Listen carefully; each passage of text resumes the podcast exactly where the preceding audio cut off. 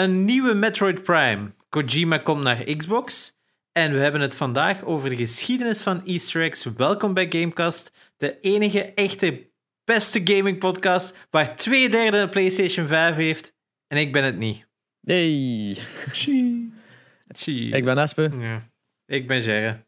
En ik ben nog altijd Geno. Als een, een serieus een clickbait die intro. Een, een, Ja. een nieuwe Metroid Prime.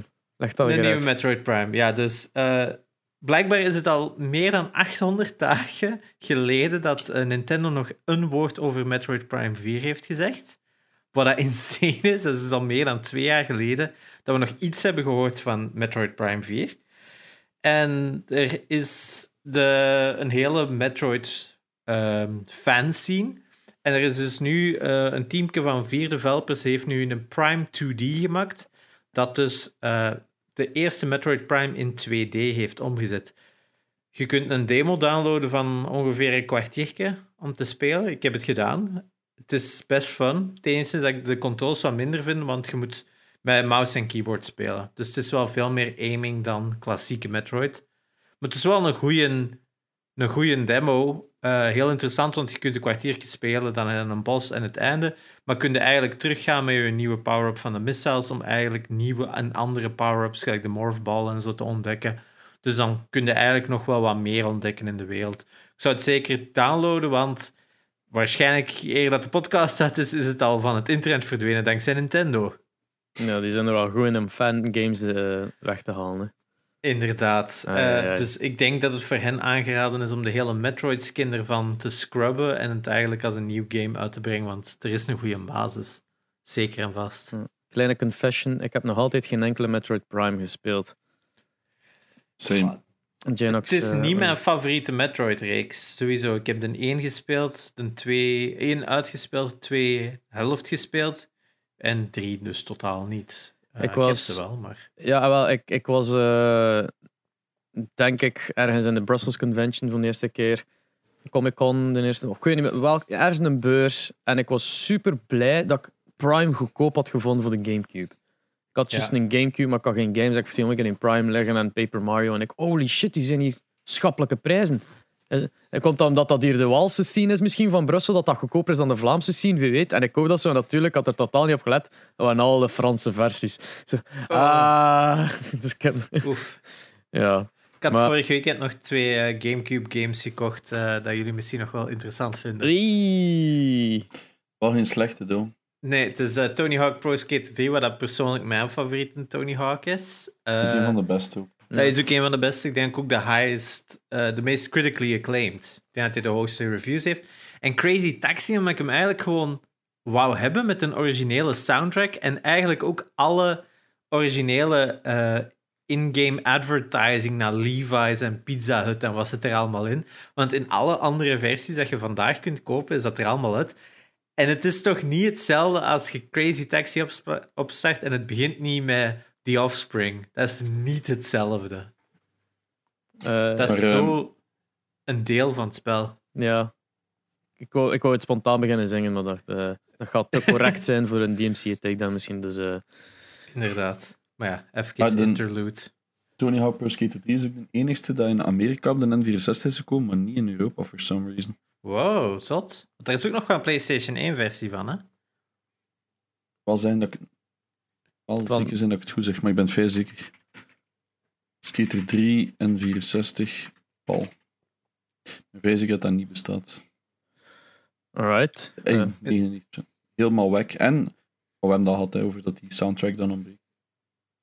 Ja, inderdaad. Die soundtracks inderdaad zat dan nooit in de Nintendo 64 Ik heb versie, wat dan eigenlijk gewoon ook weer een groot deel van het spel gewoon vernield. Correct. Eh, wat had je dan nog gezegd? Kojima mogelijk naar Xbox. Ja, Dat, eh, dat is het nieuws dat ik wil horen. ik weet niet of er veel nieuws aan is. Ja, Het is een- het is een beetje een rumor. het is een rumor, hè? Ja. Ja. Maar we willen de rumor ook horen. Hè. Allee, ik, ik heb het nog niet echt kunnen volgen, het nieuws van de week, dus ik, ik val van alles uit de lucht. Hè, dus please tell me. Wel, ja, Janox, kun jij het uitleggen? Maar het, het was niet hij zelf dat gezegd had, hè, Nee. dacht ik. Ehm, het, was- was... iemand. dat- Hier. Ja. Hier, Jeff Grubb van VentureBeat. Ehm hij is tot nu toe een goede bron gebleken, inderdaad. En volgens hem zou hij in gesprek zijn met Microsoft. ehm, dus mogelijk zijn nieuwe game zou uitgeven. De kans is dan ook heel dat het om Xbox exclusive gaat. Net zoals Dead Stranding een PlayStation console exclusive was. Wat dat niet echt correct is, want dat was een timed exclusive. Ze zijn altijd verkeerd gemarket, want is daarna wel gewoon naar PC gepoord. Ehm, ze gaan. ehm, hier staat. Als Kojima inderdaad in zee gaat met Microsoft, werd er mogelijk in februari al naar gehint. In een video van Phil Spencer was op de achtergrond namelijk een figurine van Ludens, de mascotte van eh, Kojima Productions, te zien. Dat Ja. ook wack is. Het is dat, maar die ook, dat is ook zo'n fucking game nerd dat hij een even goed dat gewoon kan hebben staan voor. Maar er staat wel bij, van, van Spencer is bekend dat hij op deze manier maanden van tevoren al stiekem zaken met teasen. Ze werd ook de. Xbox Series X al enkele maanden voor de officiële onthulling Ja. in de achtergrond te zien. Series S stond in zijn boekenkast. Ja. Dus eigenlijk gewoon een witte blok stond al constant in zijn, in zijn boekenkast al maanden in die video's voordat hij was aangekondigd. Nu natuurlijk, de Series S, ja, veel kunnen het ook niet echt aan herkennen natuurlijk. Ja, goddamn. Ik moet, dat moet mij denken aan die een fake eh, hint dat er bestond van. ah, ik weet niet meer wie dat was. Die, die, die guy die de Game Awards presenteerde, ik weet zijn naam. Ehm, Ja, Jeff die, Keighley. ja, dat die zo ook ergens een hint in zijn background had, met dat er een foto was van die van Bethesda te zien. Maar dan als je dat zo bekeek, van, dat stond daar helemaal niet. Iemand had dat nieuwsje verspreid en dat er gewoon een photoshopt. Zalig. ja. Om nog niet weg te gaan van het eh, Kojima-aspect, eh, er is een andere game aangekondigd van de week. Abandoned, wat een cinematic survival game zou zijn van het, een Nederlands studio. En ehm, blijkbaar hebben die een statement moeten doen na de announcement om officieel aan te kondigen dat Kojima niks te maken heeft met hun game. Heel veel mensen op bepaalde internetfora die dachten van ja, dat is een nieuwe game van Kojima, dat, dat, is, dat is 100% Kojima. En ja, dus die hebben nu een statement moeten doen van nee, het is gewoon van ons. Wat mogelijk het raarste game nieuws van de week is. Van, er moet echt iemand publiek uitkomen van nee, het- is niet van iemand anders. Dat is, dat is echt wel gek. Een mooi compliment ook. La, laat eerlijk zijn. Als een kleine studio iets maakt en zegt van ah, dat is van big game designer Kojima, dan had het toch... Ja. dan had- aan de ene kant gaat het inderdaad zijn van eh, nee, ik heb dat echt gemaakt. Maar aan de andere kant, god damn, they like it. Dat is zo gelijk dat je inderdaad eh, eh, op een examen zo, of op een, in het middelbaar bij een, een boek, wat is dat nu weer, een boekbespreking, dan zegt van, je hebt dat van het internet gehad. Nee, ik heb die een boek echt gelezen. zo. Alright. Ik haalde het wel van het internet. Ja, ik ook. Maar, Ik bedoel, dan toen moet kwam die leerkracht dat zelf nog niet op zoek. Ja, het- ja, het is dat. Uh, alright. Uh, speaking of horror games. Uh, de moslimrechtengroep vraagt Sony, Microsoft en Valve om uh, Arab Murder Simulator niet te verkopen. Oef, wat een titel. Ehm, Ja, het is niet een echte titel, denk ik. Het is die Six zo. Days in Fallujah. Die dan zo op waar gebeurde feiten zo gebaseerd zijn. Ehm, Dat is die shooter dat ik over laatst zei, dat ik echt verschrikkelijk vond. Die zag er echt slecht uit. Ja, en het is dus basically de moslimrechtengroep zelf die het Arab Murder Simulator noemt en vreest dat het geweld tegen moslims in de VS zal normaliseren. Ehm, misschien moeten we die groep even weghouden van alle andere games die al bestaan. Want ja, het is al, al heel vaak dat eh, niet per se moslims, maar een bepaalde groep court altijd wel een, een, een organisatie is in een game. Ik bedoel, Uncharted is in iedere eh, afle- eh, aflevering, ehm, iedere eh, iteratie van een game, wel een andere doelgroep. Want in de ene keer was het alle, was het weer in die eerste? Al Mexicanen. En in de tweede Nee, dat waren zo Filipijnen. Filipijnen. Dan waren het.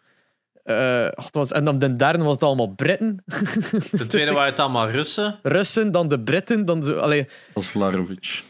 Ja, Ja. het ding is, ik snap dat als je ehm, al sowieso een minority bent en er komt een game uit die, die echt gericht is naar eh, om naar mensen, alleen naar een deel van uw groep te vermoorden, dat dat wat weird moest zijn. Maar het is ook zo gebaseerd op waar gebeurde feiten. Maar Uh, allee, ik weet niet tot hoever dat die, game echt of ene kant goed gaat zijn, n- nauw steekt met de waar gebeurde feiten. ik of, denk, ik denk dat anders Duitsland elke, elk jaar zo wel een paar e-mails kan uitsturen.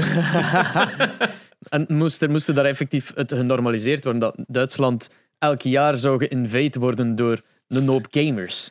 ja, het is allee, al- het, het ding is van, kan het norma- Maar- genormaliseerd worden? Ja, tuurlijk, maar dat is dezelfde manier. jaar- het is misschien niet dit jaar en vorig jaar, maar Gamescom is wel elk jaar in Duitsland. Dus- Hey. Ja, inderdaad wel. Maar het is, ja, het lijkt mij een beetje gratis reclame voor de game, meer dan dat het effectief reactie gaat Ja. loskrijgen van Sony, Microsoft of Valve. Inderdaad. Eh, ja, ik wil er wel graag. De, de- het is een beetje dubbel, maar ik wil er graag de mening over horen van de, van de luisteraars. Als, als je daar. eh, ja, als, je, als je ons niet gelijk geeft, wil ik het graag horen. Ja. Altijd. Want dat gebeurt wel vaak, denk ik, dat wij verkeerd zitten misschien. Ja, Niet waar. het ding is ook zo. Allee, in hun. In, wacht, ik zie het hier ook juist. Ze hebben zo'n afbeelding gepost op, op social media van 800 Iraqi civilians died in Fallujah. Uh, Iraqi babies still suffer birth defects. Tell Microsoft, Sony and Valve, the, Iraq war is not a game. I mean, World War II is not a game either, maar het is wel een fantastisch onderwerp om de, de, de gruwelijke Ja. om, omstandigheden net aan te tonen. Chernobyl is ook geen show, maar ze hebben er een serie rond gemaakt die echt wel de gruwelijkheden ervan heeft blootgesteld. Ik bedoel, het is... Als als coole games, like Stalker en zo, ik kan me niet inbeelden dat dat niet gebaseerd is op Dat Chernobyl. is ook, inderdaad. Oh ja, het is dat. Ja, dus daarmee, het is, eh, het is duidelijk geëngageerd door mensen die geen games spelen. Ja, Ja. oké. Dat, dat definieert natuurlijk niet of, of iets mag of niet, of omdat Dat is iets ook wel games is.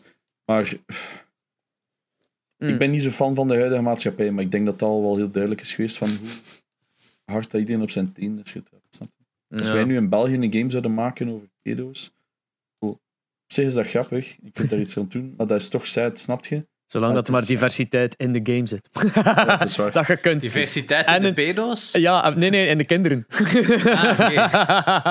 Je moet ook een Asian kid eh, ja, dat is in de super kelder gestoken. Hey, en, en een dekkertje ook, moet er allemaal bij zijn. Hè. Ah ja, ah ja. Het is Ik, doe, Maar ja, mij kon, misschien mij kan... konden ze niet opheffen. Het is dat, maar misschien kan een game gelijk die Six Days to Fallujah eh, mensen wel twee keer doen nadenken over wat er daar niet- echt is gebeurd. Ja, het is dat, hè. Dat ook, hè. Moest het er niet zo slecht uitzien. Maar het probleem is, Ja. die games zijn ook wel altijd gemaakt in een standpunt van... Snap je, dat is een beetje like dat, hoe dat wij Wereldoorlog 2 zien. Ja, Zo, er zijn altijd meerdere standpunten. En dit is weer zoiets van... Ja, we're gonna kill the bad guys. En, Is dat? is... Ik heb, die Wow. ik heb dat spel nog niet gezien. Dat kan zijn als het zo aanpakken. In which case, dat is een beetje een gemiste kans. Maar als het zo... Ah, maar het is like die films... ah, eh, hoe noemen ze daar? Zo die American Sniper... Nee, het is niet American Sniper. Hij zo weet dat, dat ze zo in Irak eh, zo'n missie Ah, dingen. Zero, Zero Dark Thirty en Eh, ja, ehm uh, Lockhart. eh The Hurt Hurt Locker en ja, daar. Jarhead en zo. Maar wat Ja. snapte, zie je zo films. Dus dat is altijd van, hey, we're the Americans. Shaving Ryan's en- Private. Dus ja, Ja. maar die hebben Nee, dat is meestal nog... Die hebben gelukkig meestal nog wel een kritisch kantje, omdat dat over die oorlogen gaat, waar dat de soldaten natuurlijk ook niet echt 100% zijn uitgekomen. Hè. Kijk naar American Sniper, kijk naar Hurt Locker, Ja, kijk ja. naar Jarhead en zo. Die zijn eigenlijk allemaal gewoon fucked up, wat die daaruit terugkomen. Hè. Wat ook wel de realiteit is, hoe dat die Marines terugkwamen van die oorlogen. Nee, al, ik heb gewoon zoiets van... Ik heb de trailer gezien van de game. Ik heb die toen ook op, game, ja, op de Discord gezet. Maar ik denk dat dat niet iets is wat de meeste van ons publiek echt naar kijken en zo games. Ik, ik bijvoorbeeld wel... Het zag er gewoon echt shit uit. En zo de, de aiming en al, het was zo super weird. Ze proberen het zo super realistisch ook te doen. We hebben al gezegd, het is niet om dan realisme dat dat daarom een leuke game gaat zijn. Het was ook dat mikken, dat was zo super weird. Ik zou een keer die trailer moeten opzoeken. Ja, is, In ieder is geval- dat een eh het Ik nieuwsberichtje had, ook? zo... Ja. Oh, ja. Ik had Ja, zoiets van, ja... Ik, ik snap al waar de concern van komt, maar ik heb iets van, is daar echt waar de, bezighoudt? Wel een Als- als- kanttekening, een kanttekening erbij. De, de game was tien jaar geleden ook al in development. Eh, en is toen geannuleerd Wow. geweest door Konami. omdat er toen al controverse rondging dat het een te eenzijdig beeld van de Iraakse oorlog heeft geschetst. Dat wil niet zijn dat ze dat op dezelfde manier hebben aangepakt. Misschien hebben ze gezegd van, ah, maar nu gaan we het beter doen. Maar aan hetzelfde geld is het weer al dezelfde fout als ze maken. En is het inderdaad wel een beetje pijnlijk. Het probleem is ook, we weten niet echt een andere kant, denk ik. Als, in, als jij dat... Hey, in de trailer ziet je alleen dat de Amerikanen zijn die schieten op... Mhm, ja. op eh, Ja, ik snap en niet. pakt bijvoorbeeld een van de beste games op dat vlak, ehm, Spec Ops The Line.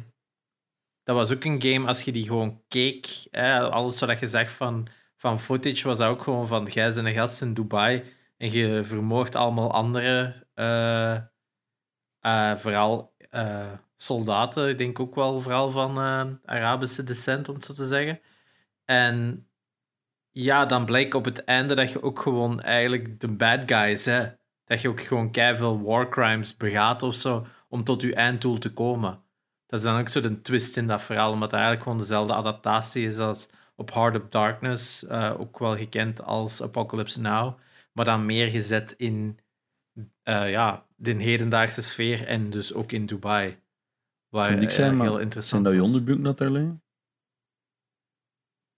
In Ik weet het niet. Zonder in uw beeld. Precies. Ah, dat is nou nog oude vodden. same, same als Guy. Ehm, nee, er was nog iets wat ik ging zeggen over die game. Ehm, ah, die missie in Call of Duty, ik denk Modern Warfare 1, dat je zo op dat vliegveld zo iedereen moet neermaaien. Dan heb ik zoiets van, ja, daar was ook wat controverse rond, maar dat wordt dan niet opgehaald. Wat ook een beetje weird was. Ja, Ik vond het grappig. Mij interesseert dat niet, want ik bedoel, ik kan nog altijd de realiteit van videogames eh differentiëren. inderdaad. Dus, dus ik vind het allemaal zo'n beetje weird. Oké, ja. Hoe, de- hoe dat ik eerst een titel las, want wat is het? eh, Muslim, Kill All Muslims of zoiets. Arab Ehm, Murder Simulator. Ja, in, in andere websites stond er Muslim, Kill All Muslim Simulator. Had ik iets van, oké, als dat effectief een titel is, maar ik had, ik had nog niet gelezen, want dat stond op mijn Discord er juist. Dus ik, eh, ik wist niet dat daarover ging. Had ik ook iets van, oké, dat is wel een beetje weird. Maar ik heb iets van, ja, er staan nog raardere games als dat op Steam, hè. Dat is het probleem niet. Ja. Ja. Het is natuurlijk gevoelig, hè, en, en, en deze maatschappij is, is het verschil vanaf dat iemand zich offended voelt. Maar ik zeg niet per se dat dat in dit geval is. Is dat direct een supergroot drama. Ik heb iets van, ja... Dan moet er ook massa's films zijn die gecanceld moeten worden. Snap je?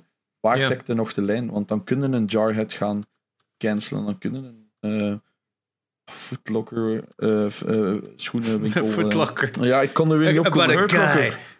About a guy who has to disarm bombs in shoes. Oh ja, Footlocker. ja, ik kon er echt niet op komen. Hurt Locker dus, inderdaad. Ehm, dan moeten we een Hurt Locker ook gaan cancelen. En Ja. dat dan een Ja, eenzijdige... dat, hè. Weet je, er zijn inderdaad, en andersom ook, hè, in andere landen zullen er ook films gemaakt worden. Pak bijvoorbeeld Japan. Japan heeft ook heel veel atrocities gedaan in het verleden, waar dat zij waarschijnlijk ook nooit eerlijk zullen over zijn. Hè. Ze hebben in China allemaal walgelijke dingen gedaan. Hè. En dat is ook allemaal... Wat? Zijn wij ooit in China geweest? I don't remember. Dat... Iedereen... Niemand zijn handen zijn proper, ik zal het zo zeggen. Ja, oké, ja. Dat is ook een mooie manier om te zijn. Maar, maar ja, het eerder over van, is dit waar dat we moeten op focussen? Maar ja. Ja. Ja, Dat is een- terzijde. het is Gaan we, dat. gaan we naar het volgende nieuwsje? Yep. Dus, Alright. Deadloop is uitgesteld. Hey. surprise! Surprise, ja. Ik zei, het, Eh. ik zei het op Discord, we moeten echt een game maken die heet ehm Uitstel Simulator. En dan moeten we altijd gewoon een random keuze maken. Van we willen kwaliteit of we willen... En dan kunnen we gewoon zo... Want iedereen gebruikt zo- zo'n foto, hij weet wel, zo met een achtergrondje met zo wat tekst op. En dat dat er zo officieel uitziet. Dus ik vind dat je gewoon een simulator kunt maken en moet zo wat random keuzes maken en dan maakt dat zo'n... Of, zo'n eh, of, ja, zijn, zo. verwacht- of zijn gewoon een uitstel bingo. hè. Zo'n hele Ah ja, shit aan, aan titels die deze, deze jaar nog gaan uitkomen. En dan uh, iedereen krijgt een ander kaartje. En vanaf zo Deathloop. Oké, okay, wie heeft de Deathloop? Uh, ja, oké, okay. bingo. of welke excuus hebben ze vooral? Hè? Wat, is het excuus? Uh, Wat was bij Deathloop eigenlijk? Ik heb nu niet echt gelezen. Men heeft wat extra tijd nodig om de ambities waar te kunnen maken. En dus is besloten de release uit te stellen naar 14 september in plaats van 21 mei. Welke ambitie? Het ziet eruit alsof het op een PS3 runt. ja, sorry, ik vind, er, ik vind er niet goed uitzien. Dat zegt niet, van de gameplay ga ik niks zeggen, want dat is gewoon mijn soort game niet. Maar ik vind er niet goed uitzien. Ja, kijk, Dus- eh, Ik heb zoiets van... ik vond het een leuk steltje. Hey. Ah ja, maar dat is iets anders. Maar ik heb zoiets van, waar moet je dan zoveel tijd aan verspillen? Ja, er staat ook wel bij, erbij van wat preserving our team's ambition, ambitions while ensuring the health and safety of everyone at Arcane. Dus het zal een ja, misschien met de pande- pandemie dat er een paar ziekengevallen Maar ja. zijn en een dingen, dat kan ook. Hè. We kunnen dat niet, eh, niet ontkennen. Eh, Dus Arcane Studios, ja, ja Arcane Studios is, is based in Lyon. Dus als er één land is waar dat de pandemie elke keer blijft terug inslaan, is het Frankrijk wel.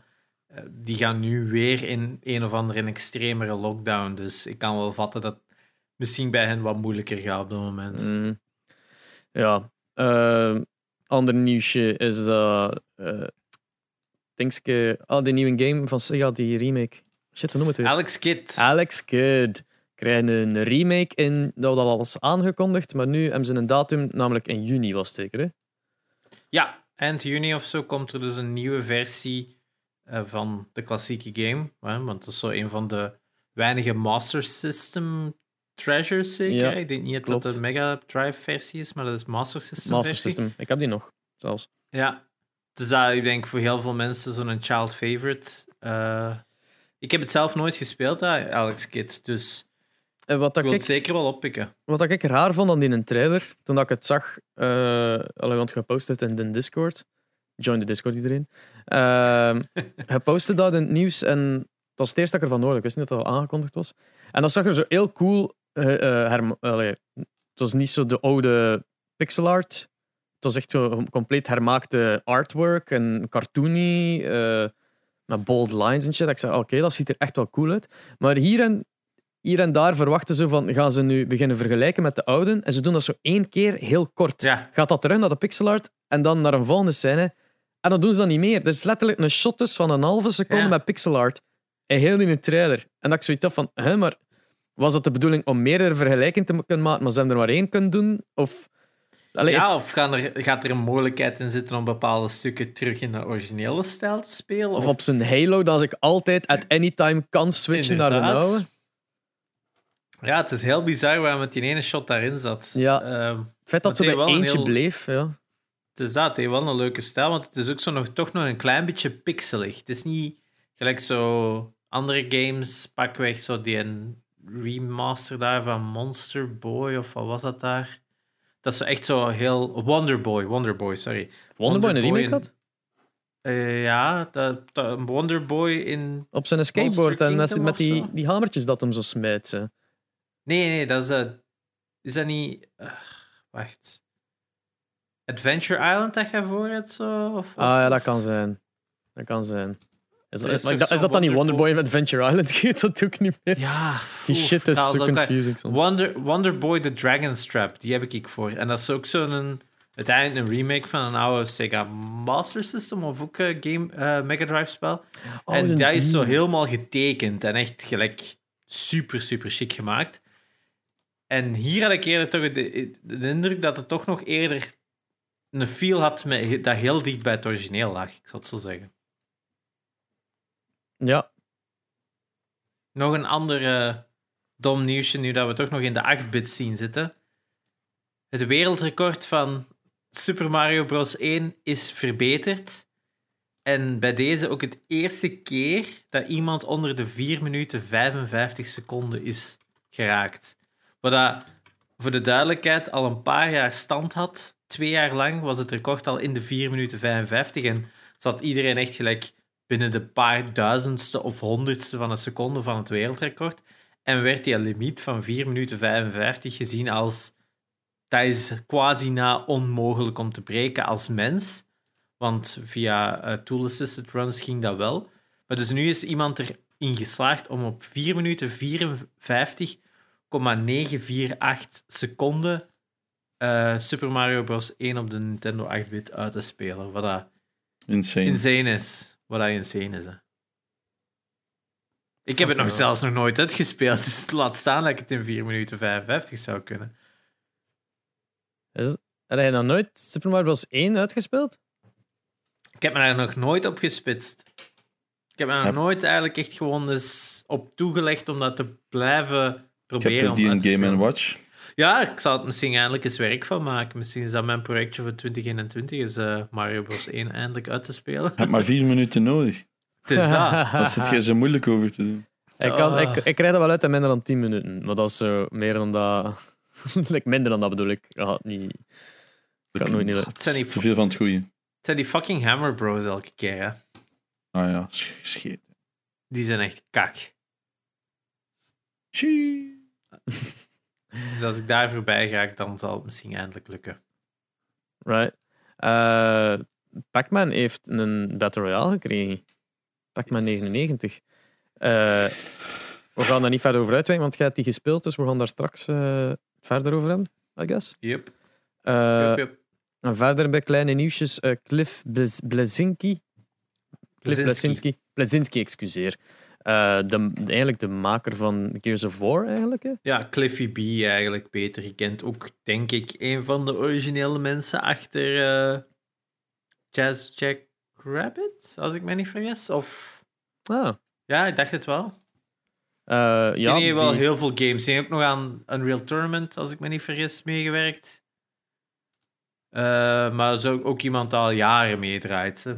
Eh, Jazz Jack Rabbit is van 94, for God's sake. Dus, Ja, eh, hij, eh, hij had dus wat, destijds Bosky Studios opgericht ook. eh, maar dat is redelijk rap failliet gegaan dat er niks, Ja. niks echt van de grond kwam ervan. Wat dat jammer was, want ze hadden wel dingen uitgebracht. eh, like Lawbreakers en Radical Heights. Maar Ja. al, al twee verdwenen tussen de genres. allee, een, uitkomen in een genre dat al oversatureerd was. Dus dat is een beetje Lawbreakers vond ik ook wel echt... echt Ik vond dat niet goed. Niet Ik had? Ah. Daar was een, nee, daar was toch ook zo'n limited run version, limit, eh, limited run version van? Geen Floyd. Ja, ja, ik had die. Huppla. Dus ik heb het juist opgezocht. Dat was fun voor zo een dag of zo. En dan, hij snapte dat zo, nice try, but not really. Ja. mm. Dat is En- zo een goede visie, maar je raakt er juist niet. Ja, Radical Heights was een, alweer een BR, een Battle Royale, en, en like, eh, Fortnite. En zo, dat, het zag er cartoony uit en je kon zo wat shit doen. Maar ja, gewoon een tweede Fortnite. Probeer maar een keer op te vechten tegen Fortnite. Oké, dat was in. Het was wel, om, ja, het was wel voor Fortnite te counteren. Hè. En ehm, ik weet nog dat ik veel grote streamers heb zien, zien spelen. Maar ehm, iedereen was dat zo super snel beu, omdat zo, was zo'n halve GTA in die game geworden. En ja, het was niet meer echt om de gunplay te doen en eerder om de. Het grappig zijn. En ja, mensen haakten af gewoon na een week of zo. Mm. Nou, eh, het nieuwsje er omtrent in de mensen is dus gewoon. Hij heeft getweet dat hij aan het werken is aan nieuwe dingen. En het eh, doet hem pijn om er niet over te praten. Dus. eh, Snap ik. Dat, dat is het. Dat zal. Dus hij is bezig aan nieuw stuff. Misschien nieuw game, misschien iets eh, fancy, misschien iets niet fancy. Hij heeft ook al geïnvesteerd in theater, dus voor hetzelfde geld heeft het niks te maken met gaming. dus eh, ik ben gewoon benieuwd, Ben benieuwd. wat dat hij gaat doen. TV-serie of zo. Ja. Eh, E3 gaat een digitale zijn en gratis voor iedereen. En ik weet niet waarom dat dan nieuws is. Eh, Betekent gewoon weer dat we weer van die, gelijk vorige zomer, van die video's gaan krijgen. Van die presentatieshows met, ja, trailer na trailer. Hè. Ah ja, kijk, ik zie het hier al. Het is die Nibellion, die guy die ook zo heel veel rumors eh, tweet op, op, eh, op Twitter. Waar zou dat anders tweeten? Ehm, hij had gezegd dat de E3 2021 een digital event zou zijn eh, en could be behind a paywall. En E3 heeft dat dus geretweet en zegt van E3 is inderdaad een digitale show en is een free event for all att- attendees. Imagine a fucking paywall, man. Voor, E- voor E3 dan nog. Zo, ik, ik lees het dan wel gewoon de live reporting van Polygon in plaats van daarvoor te betalen, ze maat. Ja, ik snap ook niet goed waar dat, dat vandaan komt. Want oké, ja, ze missen natuurlijk veel inkomsten, maar, maar ja, het is niet, ik kan me niet inbeelden dat er veel volk voor betaalt buiten die journalist. Zwat. Zwat. Ik zou dat ook denken, eerlijk gezegd. Ja. Eh, er is dus nog altijd een wereldwijd tekort aan PlayStation 5's, maar niet voor ons, niet waar, Janox? Janox, uh, Ja. Janox. Er zijn al twee. En er was nog iemand in een Discord die ook zo like als een vijfde had. Yep. Eh, niet als scalper, gewoon omdat hem altijd biedt als hij hem de kans krijgt en dan doorver- doorverkoopt aan dezelfde prijs als zijn vrienden, wat ik een heel schoon gest vind. Ehm, maar er is, is nog altijd een wereldwijd tekort en dat zou te wijten zijn aan onderdeeltjes die 1 dollar kosten. We, hebben- we hebben het al gehad over die, eh, die ene chip dat dus tekort kwam. eh, dat dat dus bij zelfs auto's een effect heeft, want een autofabriek en zo. Blijkbaar kost dat chipje dus maar een dollar. Oei vee.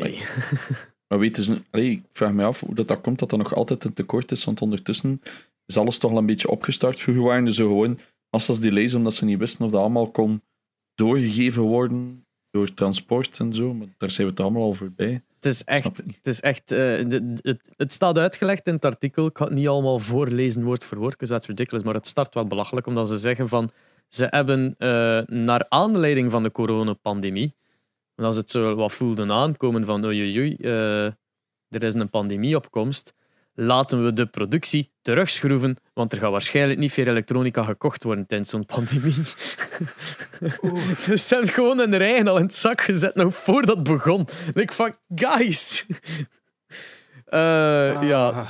zo start het. Ehm, en ja, het is, het is een heel artikel. Eh, ik stel voor, ja, Ja, we gaan het misschien linken of zo, maar het is eh, op voor gamers best interessant. En dan gaat er nog nieuws. Ehm, oh, niet echt eigenlijk. Het was een beetje wel een slow news week, hè? Ja, het, vond eh, ik zelf. Mag is wel, hè? ah ja, wacht, hadden we het nu al gehad over die Cliffy? Want ik ben echt... ja, de Ja. Cliffy B, ja. Ja, ja, hadden we inderdaad over gehad. Ah, en dat van die streamer, Ludwig, daar was ik wat kwaad over bij een, eh een Vader, dat ze daar niet goed had over nagedacht. Dus, Ah, eh, wat was het?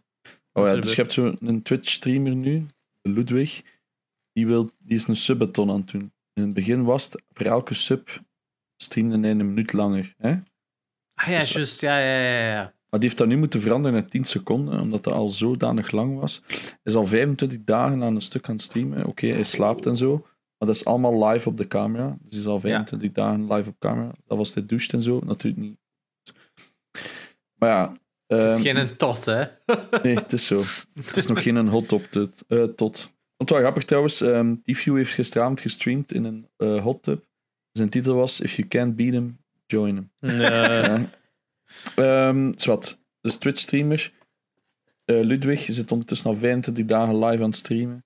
Maar zij hadden ge- gezegd van ja, en hij krijgt minstens 2,5 dollar per sub, wat dat niet zo is. Hij krijgt iets meer natuurlijk. Dus die is fucking loaded. Maar zijn doel van tevoren was allemaal voor het goede doel.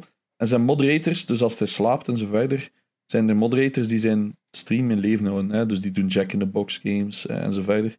Dus er is altijd zo, ik zeg maar, 20, 30.000 man in die chat. Hè? Dat is waanzin. Ehm, en tot twee dagen geleden of zo had hij zelf daar nog maar 3000 dollar van over. Ja. Van al dat geld. Dat is dus absolute waanzin.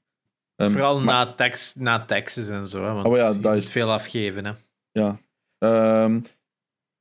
Hij heeft wel beloofd dat als hij nog een keer een subathon gaat doen, dan gaat er een, een, eh, een cap zijn. Gaat- dan gaat hij niet langer als ik zeg maar iets 100 uur of zo. Ik weet niet wat hij heeft gezegd, dus ik verzin maar iets. Eh, niet langer als 100 uur streamen of zo, omdat dat gewoon. Dude, die is bijna een volledige maand gewoon aan een stuk aan het streamen. Dat is, Oh. de meeste mensen na vier uur, oh, ik ben moe, ik wil stoppen. En die is een, bijna een maand. Maar schaap-. Ja, eh, het is absoluut waanzin. Ik denk niet dat dit record trouwens gaat breken van Ninja. Die had het vorige record van 269.000 concurrent subs. Hij zat aan 216, denk ik. Maar binnen een paar dagen vervalt die eerste eh, streams. Hè, dus die eerste gifted. Ah ja. En, eh, dus, ehm, en hij heeft trouwens, hij zou veel verder kunnen zijn. Maar er is een, eh, een regel: als je meer dan 100 subs gift. Subs zijn trouwens subscriptions, dus je kunt dat aan iemand doneren. Ehm, als je meer dan 100 eh giften doet, dan worden geband. Dat anders niet meer eerlijk was voor mensen met zo te veel geld, snapte? Dan Ah ja, ja, hij bande ze zelf, niet Twitch. Ja, ja. Nee, nee, nee, nee. Hij zelf hij zei ja. Net dat er dan zo'n fucking miljonair komt en die dropt daar 100k of zo, ik zeg maar iets. En ik zit er direct weer eh, een paar dagen na extra. Je zegt, ik kan dat gewoon niet maken. Ja, oké. Blijkbaar zijn er toch genoeg mensen die dat willen eh, betalen. Ja, het is, het, is, het is ook al een paar weken. Ik heb het ook al een paar weken in het droog en zo. Het is insane, hè? Ehm, hoe hard dat die stream is gegaan.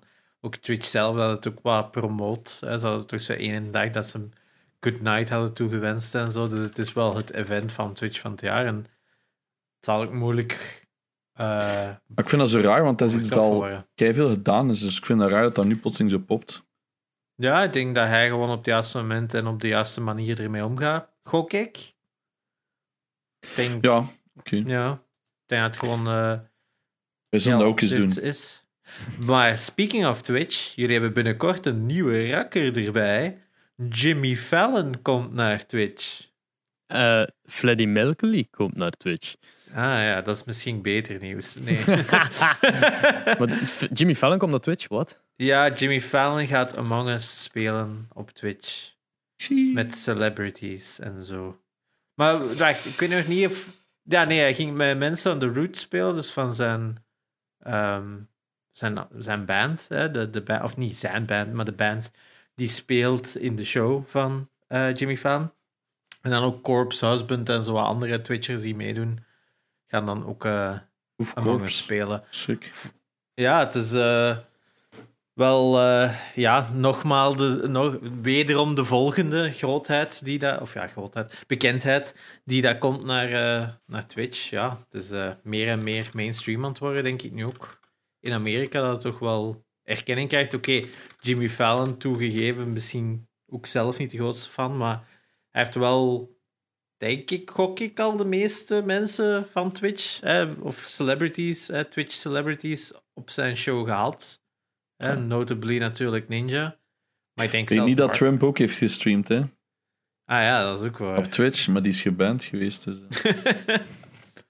eh. Ehm, nee, ik ging shit, ik ging nu niet zeggen. Heet ze dan Ludwig? Aantal Nee, nee, nee, subs? het was- Ah nee, er is een nieuwe game op PS5 aangekondigd. Ehm, het heet Abandoned en het wordt een Ja. PS5 exclusive survival game. ja, Ah, dat, was die, dat? dat is die survival game die ik had, die dat dus verward werd met eh, Ah, nee. Oké, maar bad. Ik vind het er weird uitzien en niet zo top. Hè. Ik vind een PS5. Het is zo nice, maar ik vind het like, ja. Er is ook zo een mega sketchy trailer van 10 seconden of zo, maar eh, ja, het ziet er nog niet echt eh, baanbrekend uit, ik zou het zo zeggen. Ja. Ja. Als, ja. Eh, ik zie is er nog iets. Ah, die upgrades van de Mass Effect. Oh, BioWare onthult upgrades voor de Legendary Edition. Dus die Legendary Edition hebben we al een paar Ah, keer. Eh, maar ze gaan allemaal 4K en HDR ondersteunen en ze gaan allemaal 60 FPS vanaf de PS4 Pro ondersteunen. Dus, eh, Nice. Ah, en de combat is stevig gepumpt om de willekeurigheid van de originele release weg te werken. Wapens Ah. schieten nauwkeuriger, maar hebben ook een snellere cooldown. De game heeft nu ook een melee-button en vaardigheden zijn grondig herwerkt. Ook is het Mhm. makkelijker om je inventaris te managen en nog veel meer. Dus ook- geen luie remaster, maar echt wel een beetje herwerking ervan. Ja, het is echt een re- halve remake. Eh, ook de confrontaties zijn eh, anders. Ehm, er wordt heel veel aangesleuteld. Ik kan niet Dus alles overlopen het- natuurlijk, maar... Ja. Ze hebben wel, het is wel niet compleet, want ze zijn wel source code kwijt van een bepaalde DLC, als ik me niet vergis. Dus die ontbreekt wel in de collection. Ah, ja. Want die, is cor- of ja, die source code is corrupted geraakt of zo, wat dat wel spijtig genoeg kan gebeuren. Zelfs bij een grote studio als BioWare. Dus die ontbreekt, maar ja, het belangrijkste van de game zit er natuurlijk wel in. Ja. En die in Atomic Heart, hebben we al deze af- aflevering besproken? Nee, nog niet. Oké, dus dat is een nieuwe eh, game dat uitkomt. Een apocalyptische shooter uit Rusland. Dus ik weet niet of dat al veel goed zegt, maar... ehm, ja, het ziet er eh, speciaal uit. Ik vind het er een beetje een Bioshock... Heeft van een Bioshocky vibe. Sommige stukken, want het is zo wat post-apocalyptisch, maar toch zo... Ja, ik weet niet goed dat je dat allemaal moet uitleggen, maar eh, het ziet er wel... f- ik denk wel dat ik het een keer ga proberen. Een beetje slow misschien voor mij. Je wandelt zo'n beetje traag. Het is ook zo met robots en, en, en weirde monsters. En Ja, zo wat... Die monsters dat we hebben gezien van Returnal, maar nog een mix met een Bioshock en... Ik weet het niet goed. Het ziet er heel funky uit. Dus eh, dat is trouwens... Dat was dus ook aankomen. Hey, 20 minuten gameplay zijn getoond.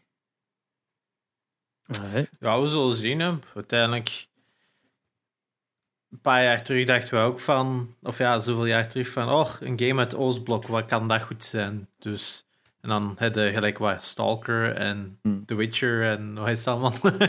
Hè, Ah, dus ja. op dat vlak, wie weet, hè. Het, eh, Nog één stom dingetje. We hebben het vorige week gehad over die ehm, limited editions dat Nintendo doet van hun games. En dat ze dus nog van plan zijn. En zoals dat we, allee, al hadden voorspeld, is dat Super Mario, dus een 3D All-Stars, dat wij alle drie hebben, denk ik. Ehm, Yep. Blijkbaar staat die op sommige veilingsites tot wel voor 1800 euro. Terwijl like, op Netgame volgens mij nog staat voor nieuw ja, keiveel plekken kunnen nog kopen voor 60 euro. Dus dan heb ik iets van, oké, mensen zijn zo desperate voor weer ergens geld te proberen uit te slaan. Ik, snap dat niet. Maar ja, who am I? Inderdaad. Dat is weer weer het zoveelste stomme plan van Nintendo. En dan zo'n mensen geven ze enkel maar gelijk, natuurlijk. Ja, ja. Aan de andere kant, wat dat veel mensen zijn, is van ja, als het kan, waarom niet? Dat is altijd zo Ja. moeilijk om erop te antwoorden. Ja. Het is inderdaad een lastige discussie, want wie weet is ook onze, onze, ons zicht op games wat achterhaalt daarmee. Hè? Van Mhm. zo, het, je moet het altijd beschikbaar kunnen hebben. En uiteindelijk kijk naar, naar afgelopen jaar ehm, hoe dat de services gelijk Game Pass gewoon meer en meer geïntegreerd geraken. Ja, de ownership of games is al keihard aan het veranderen. Hè? Heel veel, Hmm. hoeveel men, sommige mensen die zelfs een PS5 hebben, hebben geen enkel game al gekocht. Dat die gewoon Hmm. puur werken op Astrobot, PS Plus games en de PlayStation Plus eh, Ja, Collection. of gewoon een PS4 games. Ja. Ja, of een PS4 games. Dus. En hetzelfde met EA Play of iets anders van service hebben of PS Now. Ja, het is dat hè. Dat verandert Hmm. constant. Alright. Eh, kunnen we doorgaan naar wat we deze week gespeeld hebben? Ik Sure. denk het wel. Zal ik anders beginnen deze keer? Ja, Eh, top. Ik heb eh, Disco Elysium gespeeld. zot. Wat een eh, soort detectieve game is. Maar best wel allee, heel, heel vreemd. Het is basically dat het speelt. Dus je hebt de top-down view. Ehm, en je moet like, point-and-click al zijn. Je moet hem klikken naar waar dat gaat. Je kunt ook met de pijltjes doen, maar dat is wel onhandig. Omdat je sowieso moet interacten met alles met pijltjes. Eh, met een muis bedoel ik dan. Eh, en het is een mix tussen gewoon point-and-click van probeer alles te vinden en te onderzoeken. En d- like D&D, als in sommige dingen... Als je aan het praten bent met iemand, je hebt in het begin je character gekozen wat voor type zijde. Je kon kiezen tussen oftewel een heel sterke, een heel slim of een heel charmante. Elks waarin dat je komt een heel sterke, dan zijn niet charmant en niet slim. Zijn je slim, dan zijn je niet echt charmant en ook niet sterk. En zijn je charmant, zijn ook niet slim en niet sterk. Zo weet wel. Het is zo... Het was, de stats waren bij alle drie zo wat verdeeld. En afhankelijk van wat dat je kiest, is hun gameplay volledig anders. Want ik heb een keuze gemaakt en er zat iemand in de chat die een andere keuze had gemaakt. En die zei van, holy fuck, hun game is toch compleet anders dan wat ik heb gehad. Eh, want dat wel heel veel replayability aan eh, kaart. Maar als ik dus... eh, ik denk dat ik de charmante genomen had. En dus mijn stats van charme waren groter. Dus als ik bijvo- bijvoorbeeld iets wou loskrijgen, een mens dat ik aan het interviewen was, om iets te weten te komen, eh, kon ik eh, eh, risico pakken om een vraag te stellen. waar, waar dat ik ja, mijn kans dan op, op een juist antwoord groter was, dan moest ik een andere kaart nemen. En ze doen dat aan de hand van letterlijk een, een dice roll. Ja. Dus er staat daar dan van, ik was een charmante, dus ik had zo'n 80% kans dat het lukte. En dan is er letterlijk een dice roll in beeld dat gebeurt. En dan had je altijd kans dat, je, dat mislukt, ook al heb je- de charmante dude. Maar ja, als je de sterken was, dan hadden ze wel maar 10% dat dat lukte of zo. Maar aan de andere kant konden die dan ook in elkaar slaan voor antwoorden te krijgen. Dus het is echt zo pretty fucking weird. Het is heel intens en diepgaand, ook van die statistieken, dat je kon kiezen wat ga ik af en toe verbeteren. Maar ik heb dat, ik heb dat natuurlijk gestreamd op For Gamers en eh, ja, dan zijn ze zo bezig met dat verhaal en aan het opletten, omdat het is natuurlijk een detectieve game. En ondertussen in een chat is alles was heel traag en niet echt spannend. Dus ik, ik, ik heb die game niet echt verder gespeeld dan dat. Maar ja, het is, het is wel heel speciaal en interessant voor de mensen die een keer iets compleet nieuw willen proberen. Ja, het, het is sowieso een van de best reviewed games van vorig jaar, bij mij weten. Ja, Ehm, dus ja, ik snap waarom. Sowieso wel voor sommige mensen heel, heel ehm, de max. Ik denk dat het ook... Het klinkt wel een beetje als, als Shadowrun van vroeger op eh, Super Nintendo. Waar ik zo een beetje een combinatie had van een detective en een D&D. Eh, wat dan denk ik zelfs ook nog gebaseerd was op een soort van ehm, roleplaying game. Mhm. Daar zijn nadien nog wel andere games van gemaakt die meer op het RPG-element waren ingegaan. Maar ja, Disco Elysium staat gekend als vooral een heel captivating en interessant verhaal te hebben. Dus ik wil het zeker ook nog oppikken, maar met wat dat jij zegt, ga ik er inderdaad ook tijd voor moeten maken. Dat is niet iets dat je zo tussen de soep en de patat Ja, nee, inderdaad niet. En het is ook heel. allee, ik, wil- ja, ik ging het woord edgy gebruiken, maar edgy heeft zo gelijk van. Oeh, ze proberen, het lukt niet. Het is een ja, lelijk hard verhaal. Ehm, en very weird. Heel vreemd. Want je hebt constant stemmen in je hoofd die tegen je aan het praten zijn. En afhankelijk van je emotie is dat een andere stem. Dus als je Ja. kwaad bent, zo'n hitter. Call her a slut. En dan staat er zo wat andere opties. En dan moet je daar zo kiezen van I'd rather not. Zo weet je. Damn. Ja, het is echt heel raar. Ehm, het start ook op een heel absurde manier. En dat komt dan uit dat dat, dat, dat zo'n dream state is waarin dat je in zat. En je wordt wakker in je bloten in een hotelkamer. En je weet niet wie dat je bent. Je weet niet wat dat je doet. En tegen het eerste mens dat je babbelt, zegt al: Oh, hello officer. En dan zijn je opties zo van: Oh, am I, am I police? Weet ze moeten te weten komen wat dat je job is, wat dat je doet. En dus bij alles gaat ze gewoon maar mee, want iemand wacht op beneden om uw werk te beginnen. En dat ze van, oké. En dan volgde die maar in de hoop dat die gaat zeggen wat je moet doen. Zo. En if, if not, try and figure it out. Heel raar. Het is echt heel raar. Maar interessant, ja. Kijk. Eh, ja, interessant. Disco Elysium Want, dus. eh, ja, want die Final Cut is dus nu ook een re-release, want de game is blijkbaar van eind 2019, ik zat mis. Ja. Maar dus nu is er ehm, met de Final Cut een full controller support en dus ook 4, 4K en 60 fps op PlayStation 5. Dus ehm, ja, ik En- en, zeker eh, wel eh, spelen. En aan die Final Cut, maar dat misschien heel veel mensen gaat overhalen om het wel te spelen, is... eh, ehm, het heeft voice, voice-overs. ah, terwijl- dus de originele niet. al die teksten, en het is heel veel tekst, was niet Yep. ingelezen in de vorige versies, maar nu in de Final Cut wel. Allee, Ah, denk, wel. denk dat dat zo dat in de voor niet was. Dat, dat stond in de salespitches van fully voice-over. Dus, eh, ehm, zo ja, dat, dat helpt ook wel een beetje. Nice. Eh, daarnaast heb ik ook ehm, Astro's Playroom, mijn eerste Hey. Platinum Trophy op PlayStation 5.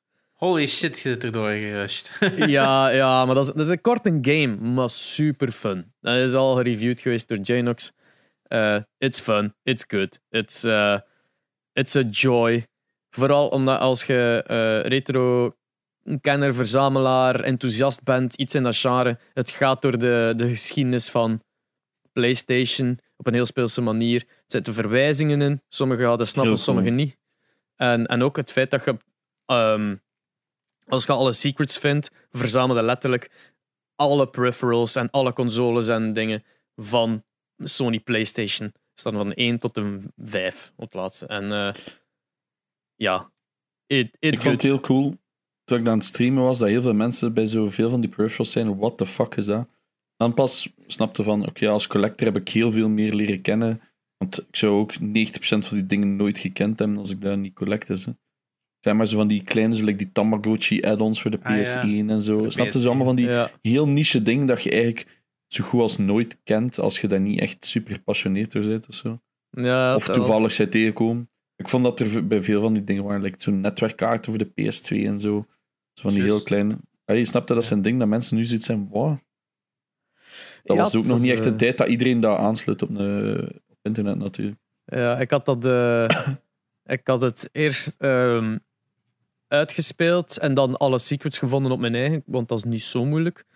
Eh, En dan voor alle trophies gewoon een guide gevolgd. Want sommige dingen waren gewoon van loop, loop daar een keer door.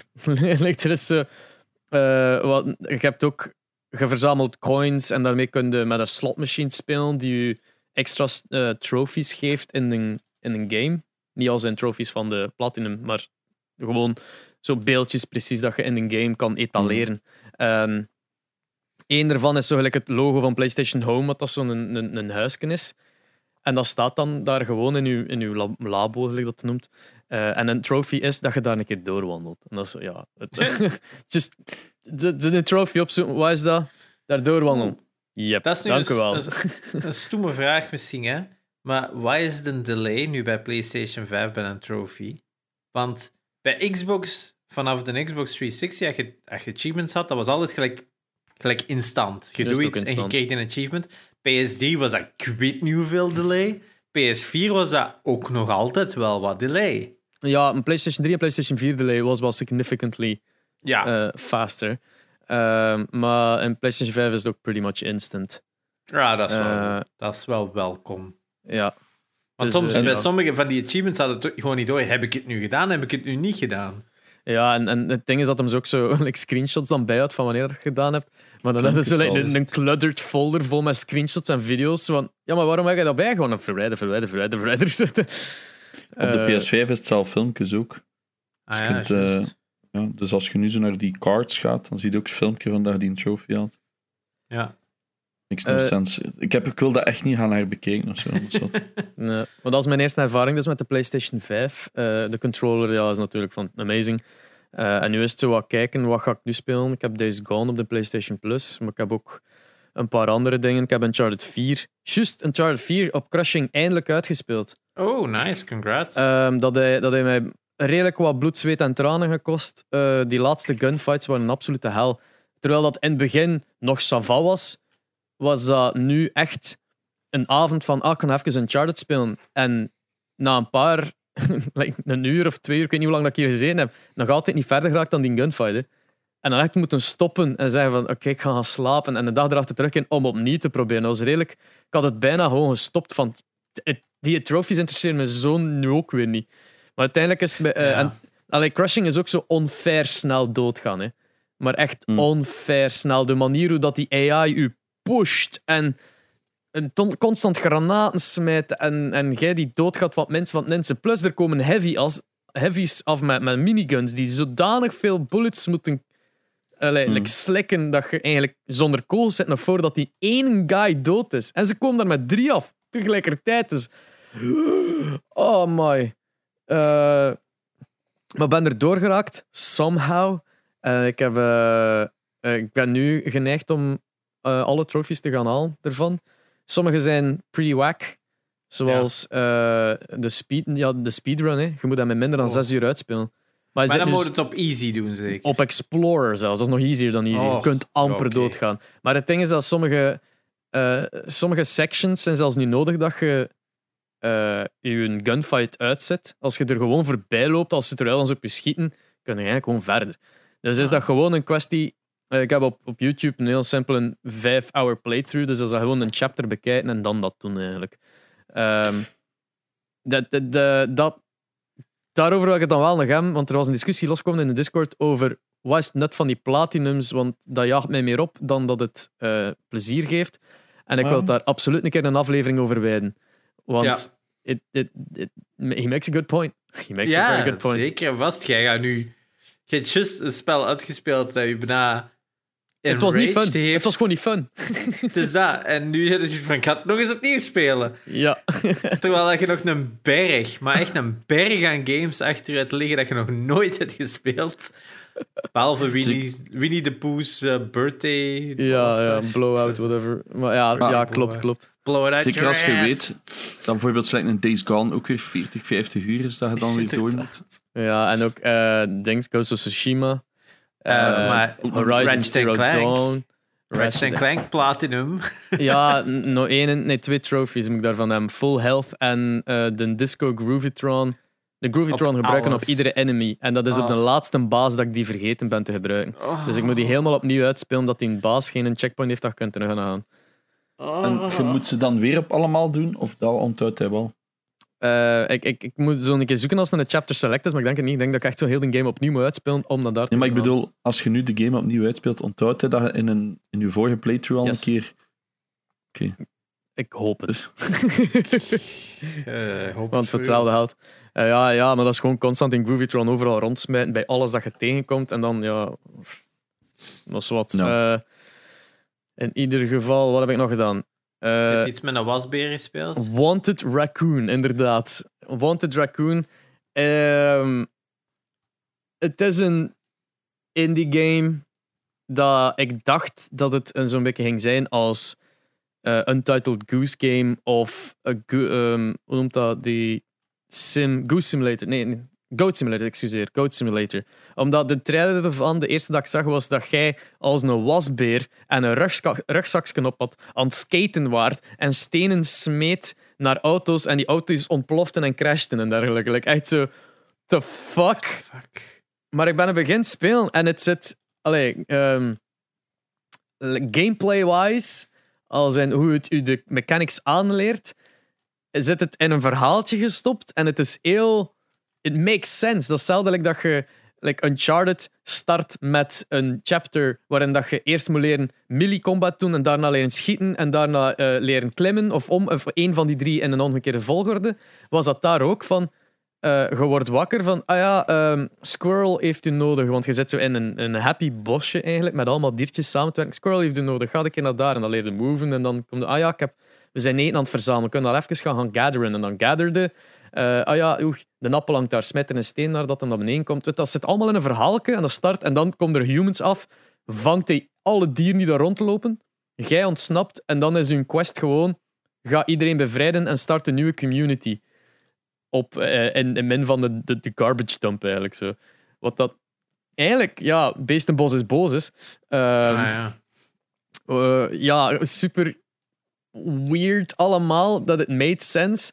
Maar gewoon het, het, het absurde van een wasbeer op een, op, een, op een skateboard die vasthangt aan de achterkant van een auto en zo aan het, skaten is down the road. Ja, dat is echt geweldig. Hè? Ehm, ja, het, het was fun, maar het was heel buggy ook soms. Ja, het, Ah, het was ja. duidelijk een indie game dat, dat, dat nog eh, in ja, half beta was. Eh, Hmm. Ja, het is... al- Als je een keer iets raars wil spelen met een wasbeer, ik raad het me ten zeerste aan. Ik heb mij enorm eh, geamuseerd ermee. Maar Nice. ja, het is absurd. Zo'n beetje de Goat Simulator van het jaar. Eh, ja, maar dan veel serieuzer. Terwijl dat Goat Simulator zo echt eh, gewoon Ja. u losliet en heel absurd ging met de physics. Is Wanted Raccoon gewoon absurd in het feit van dat is een wasbeer. Weet je? Ja. Eh, It's a raccoon. ja. Talks. Wat hebben we nog gespeeld? Eh Tetrio. Heel veel Tetrio. Is dat gewoon Tetris 99? Dat is Tetris 99 in een browser. Dus als je geen Nintendo Switch hebt en je wilt in de Tetris 99 een keer spelen, dan is Tetrio iets. Ehm, ja, dat is tetr.io. Eh typische zo'n extensie Ah, joh, van een ja. website waar je een game op kunt spelen. Hè. Het is Sliderio en al die dergelijke. Wel, Ja, EVO dat ik daar van het weekend had gepost Ah, in een Discord. Was nog wel cool eigenlijk, maar... Oh, kijk van. Ehm, basically eh, is het gewoon Tetris. Je kunt, wat het leukste daaraan is, vergeleken met Tetris 99, is dat je je eigen room kunt aanmaken. Je krijgt een, een vierlettercode en dan kan iedereen in de stream gewoon meespelen. Dus nu zie ik vaak zo, dat is een beetje aan het opkomen. De William was daarmee gestart. Eh, ik heb dat overgenomen. Nu zie je de andere streamers dat ze ook beginnen spelen. Dat is echt zo'n Twitch-hype aan het worden voor het samen tegen je spelers te, Tetris te spelen. Nu, met mijn kennis van Tetris 99 en mijn Ja. oefening daarin ben ik daar wel redelijk goed in. En ik maak... Allee, ik win heel veel. Dan heb je gasten gelijk was Dayom, die... eh, die allee, we zijn aan elkaar gewaagd. Dus hij wint dan, ik win dan, hij wint dan, ik win dan. Wat dat wel fun is. Maar dan heb je zo'n fucking mega sticky. Eh, een guy die ook eh, vaak in de stream zit. Hé, hey, maar dat, is een god. Die is like nummer 9 van België op die site. Eh, of nummer 7 of zo. Like, echt insane. Die, die, er is zo'n ook op die site de, de singleplayer challenge van om ter snelst 40 lijnen maken. En die doet dat in 33 seconden. Dat is. Wat de hel? Dat is. Zo aan die snelheid alles naar beneden. Hè. Dat is echt insanely snel. Het leuke is dat als je als je dood bent, kun je kiezen wie dat gespecteert. Of alles in een grid voor u. Dus één keer dat je gekillt bent door iemand, kun je zien hoe dat hem aan het spelen is. En als je dan mega sticky bekijkt, dus je, je ziet amper wat dat hem doet. Je ziet die blokken gewoon rat, rat, rat, rat, bijkomen, bijkomen overal. En dan sparen, sparen, sparen. Boem, boem, lijnen sturen. Het gaat... Het is, je kunt er amper iets tegen doen. Het is insane om die gast bezig te zien. Eh, maar dan, dan voel je ook wel even van... Wauw, ik dacht dat ik een game goed kon. Blijk- Blijkbaar niet. Mijn pa is Eh, ook nog eh, Belgisch kampioen. Wat blief? Mijn pa nog Belgisch kampioen is geweest. In Tetris. Ja, dat was in het begin. Hè. Dat je zo on- online al die dingen kon doen. Deed dat Ja. Dat wil ik, En dat mijn wil ma, ik mijn ma is 14 seconden wereldkampioen geweest in Mahjong. In, in, in, in, de, in het, het multiplayer Mahjong of in zo het wegdoen van blokjes Mahjong? wegdoen. Ja. Wij kunnen... Ik, wij zijn een van de weinige gezinnen, denk ik, in België die echt Chinese Mahjong kunnen spelen. Mm, Dat is heel ingewikkeld. dat is heel Ja. ingewikkeld. Hey, En die- Maar als iemand dat wil spelen... Ah, quick note. Er bestaat een fucking Neo Geo AES-controller van Mahjong. Is- Wat, Ik heb hem nooit gevonden boxed, want die zijn redelijk zeldzaam. Maar dat, met zo al die tekens op, dat is super cool. Ehm, en en die, die, die super geavanceerde Mahjong-tafels in China, dat ze automatisch die blokken zo klaarzetten en zo. wij zijn aan het zien met ons gezin om een te kopen, maar zo met onze naam erop. Wat? Ja, dus wat gebeurt er? Die, die, eh, in het midden komt er een cirkel omhoog, je duwt al die stenen erin. En echte Mahjong, dat zijn zo vier muren dat je moet bouwen. Van twee stenen op elkaar van 18 lang. En eh, dat is dan een vierkant. Maar ja, dat Ja. duurt dus altijd even om die allemaal op te bouwen tussen elk spel. Die tafel doet zo... Hup, En dan staat er weer. Dus we hebben gekeken, maar dat is 500, 600 euro.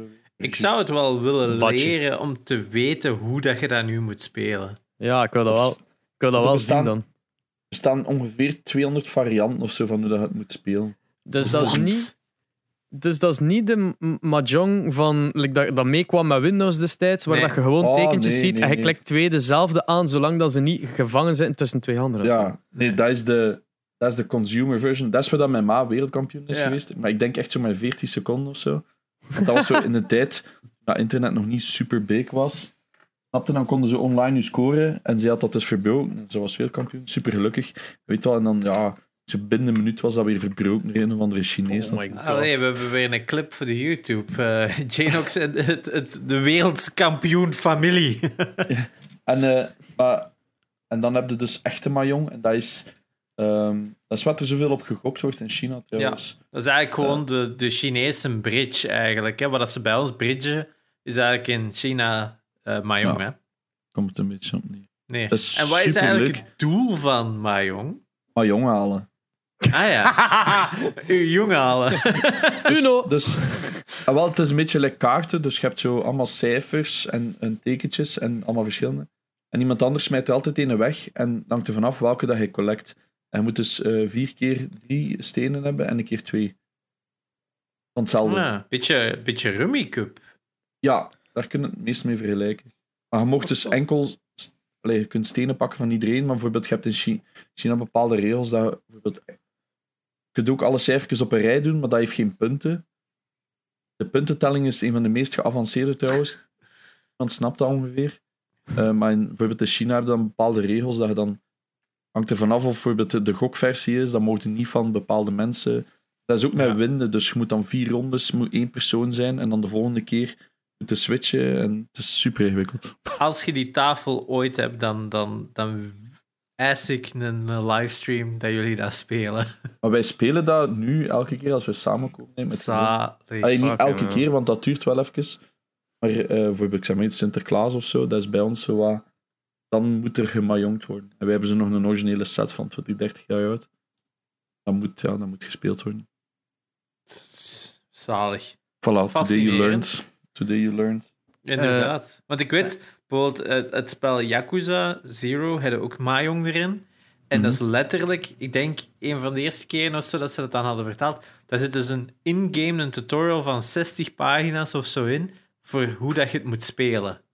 Dus dat is waarschijnlijk ook een van als er een, een achievement of een trophy aan gekoppeld is, een van de lastigste trophies om te halen. Omdat je eerst al fucking regels van Mahjong moet leren.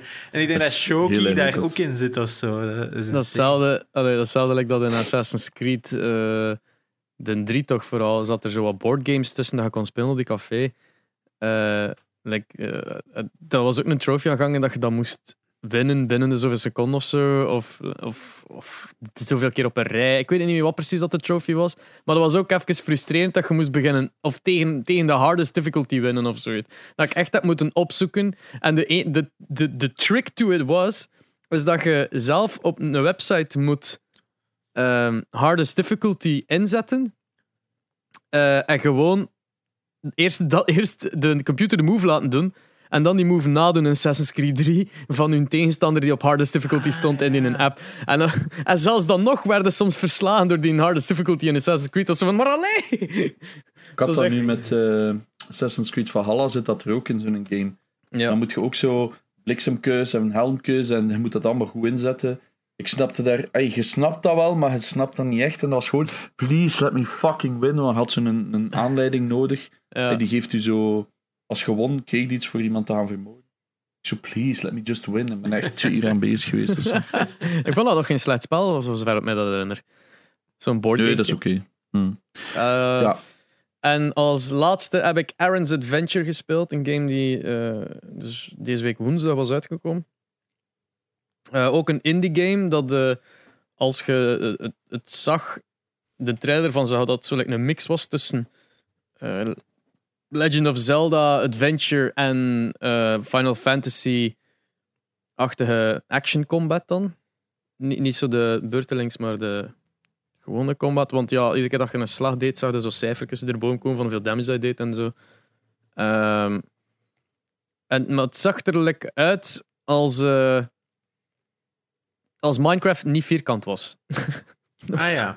Dus zo, alles is wel heel polygonaal. Like, gezichten was letterlijk, dat is eh, alle polygonen die allee, aan de zijkant aan toe kwamen van dat gezicht te maken, kwamen gewoon neer en één puntje hier. En dat was like, echt texture mapping voor, voor, de, voor daar ogen op te zetten en shit. Maar heel polygonisch allemaal.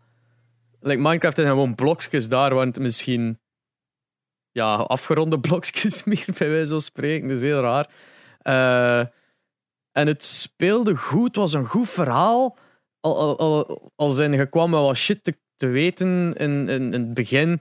Want je- de tutorial was als je kind was. En dan loopt dat zo verder van vijf jaar later. En dan zijn ze zo lekker al een tiener.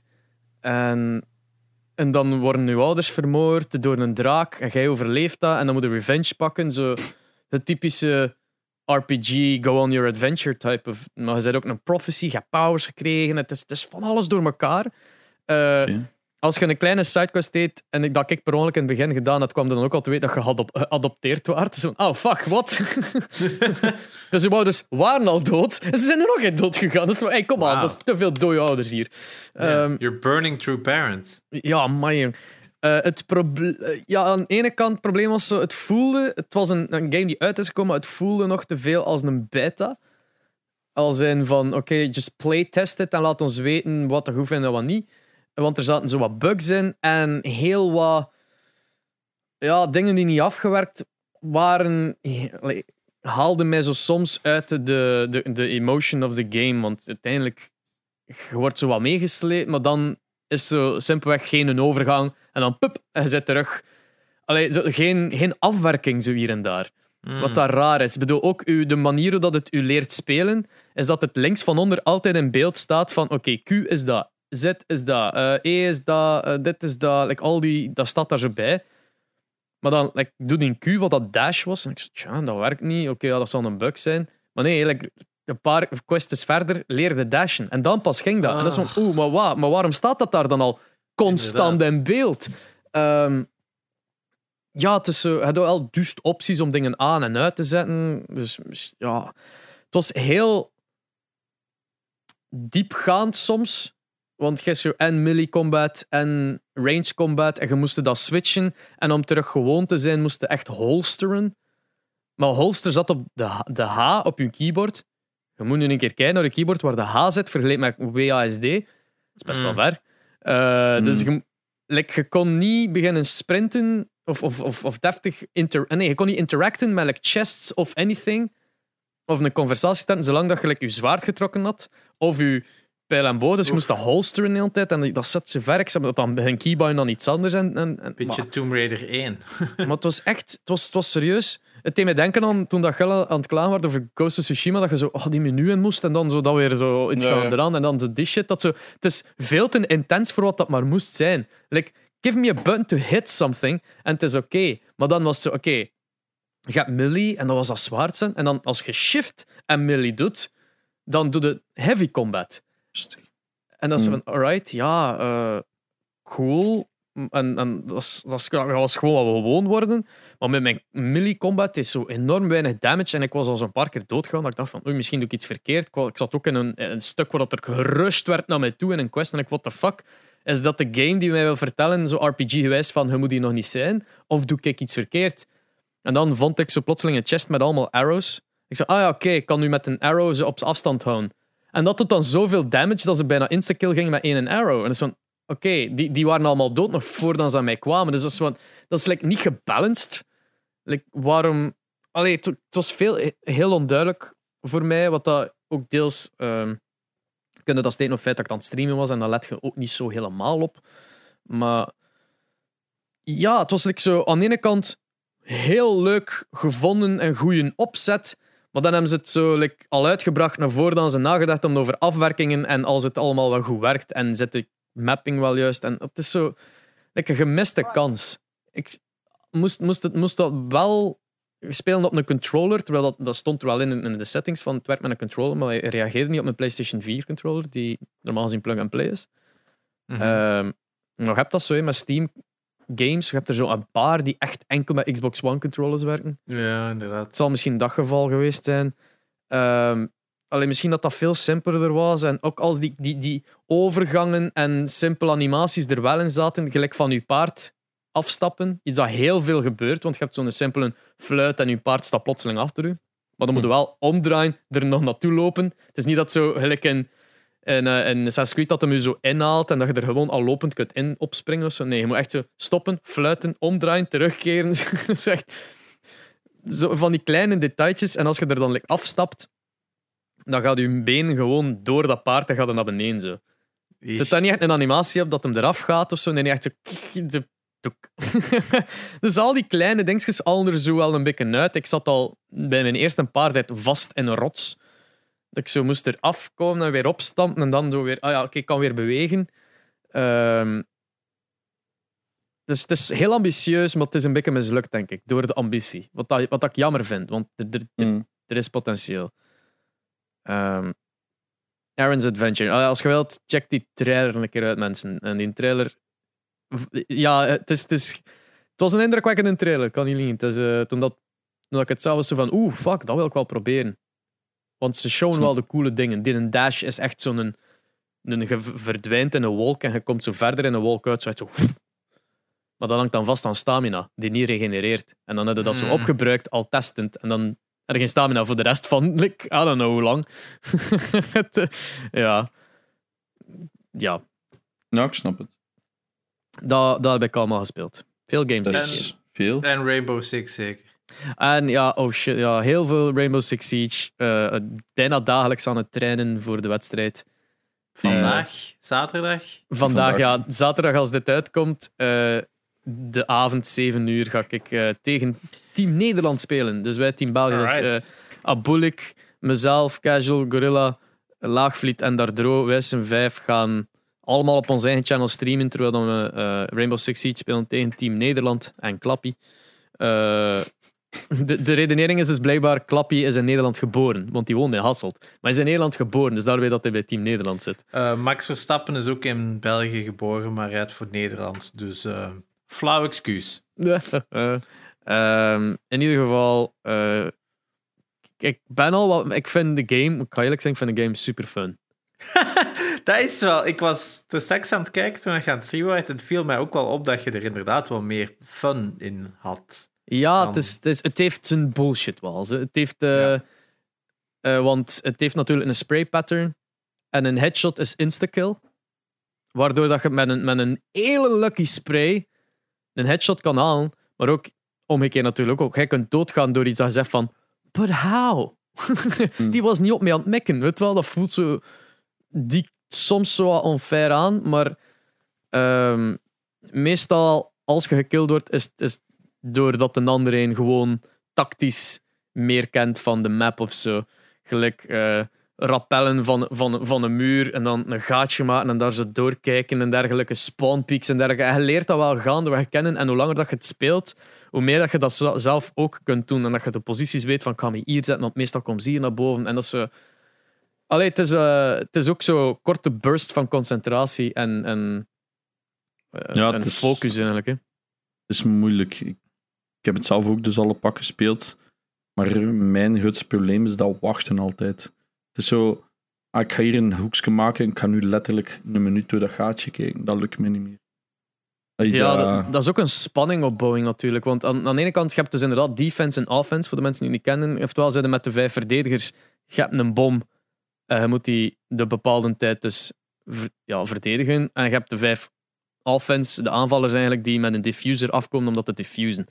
Ehm, maar de, je- krijgt zo'n een, een, een minuut eigenlijk, of eigenlijk maar een heel een korte tijd, om uw positie te versterken. Dus je kunt muren fortifyen, je kunt traps leggen, afhankelijk van welke ehm, operator dat je bent. Eh, iedereen heeft zijn eigen ja, skill, is eerder gewoon zijn eigen apparatuur om mee te werken. Hmm. Ik werk bijvoorbeeld één met een, een, een trophy system. Dat eh, incoming projectiles, gelijk als ze een, een flash smijten, dan dat weg. Dan zo'n zo'n shit. Andere mensen hebben traps dan ze voor een ruit kunnen hangen en dan is er daar zo like, lasers voor en shit. In ieder geval, je moet er, als, je, als defender moet je dan eigenlijk gewoon echt bunkeren in die kamers waar dan die twee bommen staan. Eh, niet altijd even simpel, want soms is er zelfs een gang tussen. En dan is het van, alright, we gaan hier anders die muur weghalen, dat we beter kunnen roteren en zo. Ehm, zo dat soort shit. Soms is het zelfs beter om niet te bunkeren en gewoon in een andere kamer te gaan zitten. Als iedereen ja, niet kijkt naar de kamers waar dat je niet in zit, maar eerder gaat naar een bom. En dus kunnen ze in de rug pakken, zo'n shit. Maar dat wil wel zeggen dat je, ene keer dat je gebunkerd zit, daar gewoon een plaats kiest met een goede, een goede piek en daar wacht voor de, de ronde van drie of vijf minuten. Ik heb nog nooit gelet hoe lang dat is, maar je ligt daar dan gewoon te wachten. En inderdaad, dat kan wel saai zijn. Maar aan de andere kant is dat echt zo. Like, de, de- in de film zo die stilte voor de storm, dat je zo, dat even zo stil is en focust op iedereen die daar zo zenuwachtig is te zijn. Zo'n korrelke zweet, zo van, gaat hem langs hier komen of niet? En ik vond dat wel spannend genoeg om niet in te moeten zitten van, ben niks aan het doen. Ja. De Call of Duty spelers gaan zich daar niet in amuseren, omdat dat zo, wee, overal rondspringen en shit, dat gaat niet helpen. Je? Nee, Dus- dat is waar. Dat is echt zo'n mental reset. Dat is wat Ja. ik ook heb met CS. Hè. Als ik van Warzone of zo naar CS ga, of Valorant, is dat even zo... Oh, dat is eerst zo... Je zit al op die shift sprint... eh, je zit zo op die sprint key te rammen. Dat is zo, oh ja... Die slide cancel te doen. Ah, maar ja, zo... ah, hectisch rond te springen, is dat zo... Oh ja, dit is gewoon wandelen en klikken. Ja, dus, eh, het, het gaat ook heel snel dood in Rainbow Six Siege. eh, waardoor dat niet, niet gelijk in, in Warzone, waar dat je echt wel een bullet sponge kunt zijn. eh, afhankelijk van je wapen. Maar ja, het is, eh, ik amuseer me er echt wel mee. Het is, het Dat is, snap ik. Het vooral als, als het samenwerken, want dat is zo. Ik, ik, allee, als je zo, ik heb nog niet enkele keer solo aangeschoven, want ik ga dat gewoon nooit meer doen met multiplayer games. Ik, ik, ik heb de Abuda zien doen. En eh, aan de ene kant had hem zo'n een, guy die hem echt aan het helpen was. Die zei van, ah ja, ehm, je doet misschien beter dat, want dat. Je leert mega veel- bij van één zin. Weet wel, want die geeft u iets om te doen en die zegt waarom dat je dat doet. Je kunt dat zelf redeneren bij volgende stappen en dergelijke. En dat was zo'n mega hulpzame dude dat echt zei van wat een, wat een, wat een god, jongen. Gewoon het feit dat het zo wholesome was. En dan de match daarna was het zelfs nog maar in de, de lobby, nog voordat ze begonnen, dat er iemand... De team was al aan het uitschelden. En dan maar wat? We zijn nog niet begonnen. Dit is unranked. ik wou waar zitten gaan staan. Ja, Ja. sommige mensen pakken het toch altijd veel te serieus op. Hè. Ja, het is dat. Het is dat. Maar kijk, eh, als je samen speelt met, met, met, met maten en er was zo rando's erbij en je kunt zo goed afspreken van, ah ja, als jij daar zit, doet dat. Dan is dat, dat gevoel dat als je dan wint echt wel... Shee, weet je wel. nee, cool. Ja, ik zeg het, ik heb me geamuseerd, maar ik zie het me niet veel spelen. Het is zo... Ja, het is gewoon vooral dat. Dat campen, hè. Ja. Dat campen, dat is totaal mijn stijl niet. hè. Dat is zo... Maar je je hebt ook hè. Ja, ja, ik weet wel, eh, maar ik speel, ik speel die ook, hè. En ik push ook gewoon keihard en ik probeer die spawnpicks en zo gewoon om het te, snel te laten gaan. Ja. Ik vind het fun, maar ik zie het mij gewoon niet constant spelen. Dat is het wel. Ja, misschien is dat een Cavera iets voor u is. Cavera is eh, een, een operator. En als ja. ja, ze heeft een handgun waarmee dat je ze downt in plaats van kilt. Eh, en als ze gedowned zijn, kun je die zogezegd eh ondervragen waar dat de rest is. Dus dan doe je daar zo je special move op dat je letterlijk zingt. Zo, tell me where everyone is. En dan tjak die neersteekt met een mes. Eh pijs ik dat is een animatie. En dan, als je terug omhoog kijkt, dan zie je gewoon door de muren gewoon de anderen lopen. En iedereen in je team ziet dat. Dus dan is echt mega OP. Die wordt constant, je mocht Ja, voordat de rondes beginnen, mochten eh, elke twee operators bannen. En Cavera wordt heel vaak geband. Dat is heel OP als je zo iemand dus gepakt wordt door Cavera en zie iedereen van dat team. Ah, there they are. dus je weet wel. Ehm, maar moet maar zeggen, like, kudos aan Ubisoft voor zo'n correct spel te maken eigenlijk. Want we hebben hier al vaak zitten trashen of op Ubisoft of ophemelen tegelijkertijd een beetje. Ehm, van de games die ze maken, of gefaalde games. Hyperscape. We weten niet wat dat er gaat gebeuren met Roller Champions. Ehm, ja, het is zo. maar die Rainbow Six, dat is al jaar zes, denk ik nu, dat dat, dat, dat draait. Ja, het is al even. Opnieuw een update. En ja, chapeau. Het zit heel goed in elkaar. Het is heel goed gemaakt. Het is eh, well done there. Dus, eh, Cool. Ja. Dat was mijn stuk. eh Jane, Ja. wat heb jij gespeeld? Ehm, heel weinig, dus bij mij kunnen we wel sneller door. Eén, ehm, ik heb eigenlijk nog eens Warzone gespeeld. Niet zoveel, één dagje. Nog een keer leuk, maar ik was de, ben altijd de meta wat moe. Ze hebben twee keer, nu op heel korte tijd, even een nerf gedaan. Van wat OP guns, maar het is zo weinig genervd, omdat zij verkopen skins voor die guns dat ze te overpowered zijn. Ze willen die niet, ook niet te hard nerven, want dan kopen die skins en ja, basically die game. Aan de andere kant lijkt het mij ook wel een goed idee van iedereen heeft die skins die hij gaat kopen, dus nu gaan we een andere LP maken en die skins verkopen. Dus dan is, allee, dat kan Ja, ook dat een komt nog. tactiek zijn. Hè? Dat komt nog. Ja. Ehm, die Rainbow eh, skins verkopen nu nog te goed, denk ik. Want hun nerf, als ze de recoil wat veranderen, dat is echt zo millimeter opgeschoven. of Zo dat ik denk van, ja, Hmm. is dit nu lachen bij ons? Of is wat? Ehm, en dan voor de rest heb ik bijna niks gespeeld. Ik heb niet zoveel op PC ook gezien. Ik heb ook niet veel gestreamd. Ik heb ehm, enkel nog een, keer, een paar keer Valorant gespeeld. Ik heb zelf met de, ik heb met de Laagvliet een keer gespeeld. Ik zal bij met chat en die viel een keer wat meedoen. Ik dacht, dat is ook nice. Die is like 4, 5 ranks hoger dan mij. Ik speel dat niet. Is- Ik ga dat al sinds beta, dag en nacht. Eh, Het was fun. Het was fun. Ehm, dan heb ik eh Uncharted 2 eindelijk opnieuw uitgespeeld. Hey. Een, eh, een mug. De eerste mug van het jaar, pijs ik. Wel, bij mij toch. Maar ehm, ik, ik ergerde mij vooral aan hoe fucking buggy dat die game is. Dat is niet... In Uncharted 2, toch zeker die PS4, Nathan Drake Collection. Je hebt zo bijvoorbeeld zo die fight op die een trein met zo'n dude met een... Die zit altijd granaten smijt naar je. Oh ja, Ja. ik herinner me dat. En ik wist ook niet meer hoe dat ik het moest doen. Oh my god, dat was zo frustrerend. En elke keer als je zo wilt hiden, dan ging die zo precies zo om de hoek, zo recht in het gezichtveld staan. En als je... Zeg, lukt het? Oh. het is tegen mijn hond. En ehm, als je dan een keer goed hide, dan stond die AI nog zo gelokt op u. Dus vanaf dat je nog maar zo'n millimeter wil doen, zo, hij stond gewoon zo... tjoe, en altijd zo'n kool recht op u. Allee, fuck off. En, Geef ehm, die aaitjes, kom. ja, maar het probleem is, dan gaat hij niet meer weg. Ah, nee, voilà. Afbollen nu. En ehm, zo een paar van die bugs. ehm, was ook weer zo getriggerd door die Guardians. Hoe fucking veel kogels dat je daar moet inpompen. Oh ja. Maar ik, maar ik ben nu voor het eerst geswitcht naar die hun crossbows. Dus die droppen zo crossbows. Just. Dan zijn die zo dubbel hit. Ik wist dat niet. Ik zat er altijd maar zo drie laders met die in elkaar in te pompen. En met die crossbows zijn die super snel dood. Ehm, en dan die klote laatste fight met Laz- Ja, die klote. Lazarus zo, ja. En je moet dan... Het probleem is, op een duur met die zo'n massa snades te smijten. Maar soms duwde op je bolken voor te rollen. Maar soms gaat hij dan plotseling gewoon ergens gaan aanhangen, omdat hij Oh, er dan ja. zo van rolt. Dus je bent zo aan het proberen weglopen door te rollen. En dan plotseling hangt hij aan dat muurtje, zo zes granaten rond u. Ja, allee, jongen. En ene keer was het echt met de laatste hit, en dan tiltte ik zo hard. Omdat ik wist van, ah, ik moet heel die bos opnieuw doen. Ik heb dat in een 4 ook gemerkt van het is beter te springen in het rond in plaats van te rollen in het rond. Omdat dat gaat even snel en je blijft niet hangen. Ehm, maar de. Fucking wat ik zeggen over die gunplay dat je zei. Ik ben het nu al vergeten.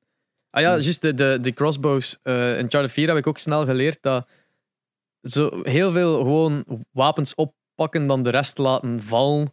In plaats van met zo die trusty wapens dat je hebt altijd, waar dan veel Ja. kogels van krijgt. Dat je zegt van, oh, daar heb ik er veel van, ik zal die aan... Nee, nee, pak maar die ene barok op wat dat insta-kill is en dan die andere een, dat, je moet dat constant Ja, ja. switchen, switchen, switchen. Dat is wel iets dat Uncharted blijkbaar wilt aanmoedigen, maar niemand echt snapt. Nee, ja, het- ik vind een zalige game, maar er zijn dat ik een paar keer echt riep van holy shit, ik vergeet altijd dat die oudere games, hoeveel fucking bugs dat die hebben. We zijn zo, we zijn zo verwend. Dat is het vooral. Zeker zo die early, dat is niet echt early, maar zo die 3D-games, dat zo voor het eerst een beetje zo niet meer gewoon van A naar B lopen is. Ehm merkte hoe buggy dat dat allemaal is. Dat vind ik vooral. En ja, voor de rest nog niks. Ik wil van alles doen, maar ik heb echt geen tijd gehad. Maar eh, ik weet ook niet wat ik nu ga spelen. hè. Ik zit nu zo, ja, wil ik direct een Uncharted 3 spelen? Ik weet het niet. Ik zou het even zo- laten rusten. Ja, ik zit nu wel in een twijfel. Ik was wel nog iets anders. Ah ja, It Takes Two heb ik wel nog een keer gespeeld. Ah, ja. Dus, eh, in de vorige aflevering had ik juist een keer... ehm, had ik met mijn zus denk ik al Ja. de eerste keer gespeeld of niet? Oh ja, en ze, was nu nog maar voor een tweede keer kunnen komen. Dan direct 4, 5 uur weer gespeeld. Ik kan niet anders dan die game ophemelen. Er, er is, ik merk weinig flaws. Het enigste wat mij tot nu toe irriteert is als het in cutscenes heb je zo die ouders, hè, Ja. dus die dat je effectief moet spelen dan als pop, dat die een facial animation zo beetje off is. En dat is legit het enigste minpunt dat ik kan verzinnen. Dan weet je toch, ay, dan heb ik iets van ja, voor mij is cross die game elke checkmark. Oké, het verhaal is een beetje cliché, maar I don't care. Er was zelf een stuk dat ik bekend moest cheaten. Dat was. Als je het gaat spelen, ga je snappen wat ik bedoel, welk stuk. Dus, er zitten zoveel knipogen in. Je kunt zelf in sommige stukken, want het is een vrij lineaire game. Bijvoorbeeld, je hebt zo'n bepaald stuk dat je dan eigenlijk zo'n heel stadje hebt met zo'n 30 minigames in, die allemaal werken. En wat ik heel cool vind trouwens, is. ehm, je kunt. Dus je bent verplicht met twee te spelen en komt zo op bepaalde stukken. Kom de dingen tegen dat je elkaar kunt uitdagen. Zeg maar iets. Je zit zo in die waspennest of zo. En in één keer kunnen ze tegen elkaar moeten tegen balken schieten. En die aan de andere kant moet daar ook op schieten. En dan. Maar van aan de andere kant. Dus je moet eigenlijk. Maar op den duur zijn er zodanig veel, dus je moet zo constant proberen schieten. En elke keer als er een aan de andere kant geraakt, dan krijgt hij een punt weg, snapte? Dus je hebt allemaal van die heel minigames dat je tegen elkaar kunt doen. Maar mijn zus is even competitief als ik. Alleen ze is er niet zo goed in. Dus die verliest altijd, maar dan wordt hij nog kwader. Het is juist één fucking video, eh, minigame. En dan moest hij gewoon zo om het snelst op X duwen. Snapte? Dus het was zo touwtrekken. Dus je moest het. Maar ik zweer het u, we zaten hier echt alle twee naast elkaar. Zo. Maar weet dan, na, zo'n 20 seconden is uw arm moe. Hè, en je denkt, jij als gast hebt toch veel ervaring. Fuck nee, hè, maat. Je bent zo snel aan het duwen, jongen. Ik u, dus op den duur begonnen ze elkaar te duwen. Zo, oeps. En, en hij zo echt gewoon dat beginnen doen, omdat... Ja, we zijn nogal competitief. Maar Als gelle button mash, doe je dat met een duim of gaat je met een Nee, wijsvinger erop wijsvinger. een wijsvinger, dat lukt, Wijsvinger? mij, dat lukt En- mij niet met mijn duim. Zelfs zo een middel, met een middelvinger daar ook op. Als ik Huh? alsof we dat nog zo nog harder te kunnen rammen, zo precies. Alsof die nog zo statischer is. Zo precies. Herinner u de Felix van een DAE? Ja, ja, ja. Die kerel die, die, die een keer met een beer gevonden heeft op zijn shoulder. Ja. Zo. Eh, Inderdaad. ja, die, en die keer zien buttmashen, dat is echt... ehm, dat, ik weet niet wat voor Twitch dat hij ooit kan doen, maar die pakt zo'n controller vast, zegt van, ah, buttmashen, this is my jam. En die begint zo, en dat is zo... Like een mixer dat hem erop houdt. Zo. Like een ik zo, holy shit, jongen. Remind me never to play Mario Party met u. What the fuck, man. Dat is trouwens, als je het wereldrecord van ehm NES, Stadium Events, dat is ook zo'n buttonmesje. Dat is met een vibrator is het snelst. No joke, dat is hoe dat al die wereldrecords gemaakt worden. Zo met zo van die, zo, weet je wel, zo die een bol erop, dat is het snelste. Dat zijn performan- performance-enhancing drugs. Of tools. ja, ehm, ja, ik blijf het beamen. Please, speel die game. Koop dat. Support die studio. Na A Way Out. Nu is dat zo... eh, Brothers wordt zo wat vergeten. Maar zo... Het is zo'n tweede grote game, zeg maar. En dat dat gewoon weer zo'n step-up is, vind ik, heb ik zoiets Ja. van, damn, respect the drip, Karen. Ehm, dus ja, daar voor de rest niet zoveel gespeeld. Maar that's cool. Cherry. Eh, ja, eh, vorige week had ik gezegd dat ik eh, Jump King aan het spelen was. Had ik nog een beetje verder gespeeld. Ben ik al wel wat hoger ge- geraakt en weer een paar keer naar beneden gevallen. Dus het is wel verbazingwekkend verslavend, die game. Omdat het zo, zo simpel is. Maar dan valt er weer zo ene keer zes schermen naar beneden. En dan denk je van, oké, even opzij leggen en weer een dag niet aanraken of zo. Eh, Nights and Bikes ook nog wat verder gespeeld. Ook wederom een game op Game Pass dat je moet checken. Het is heel schattig. Het is heel fun. Ik denk ook een leuke co-op. Ik heb hem nog niet... Je kunt hem ook singleplayer spelen, maar ik denk dat er wel een leuke co-op in zit. Het is ook van Double Fine, dus het heeft superveel charme. Daarnaast eh, had ik min, was min 30% op de Nintendo Switch Store voor Good Job. Was een game dat vorig jaar is uitgekomen van Paladin Studios, een Nederlandse studio. Had ik even opgepikt om zo eens even uit te testen. Dat is een... ehm, eh, ja, hoe heet dat?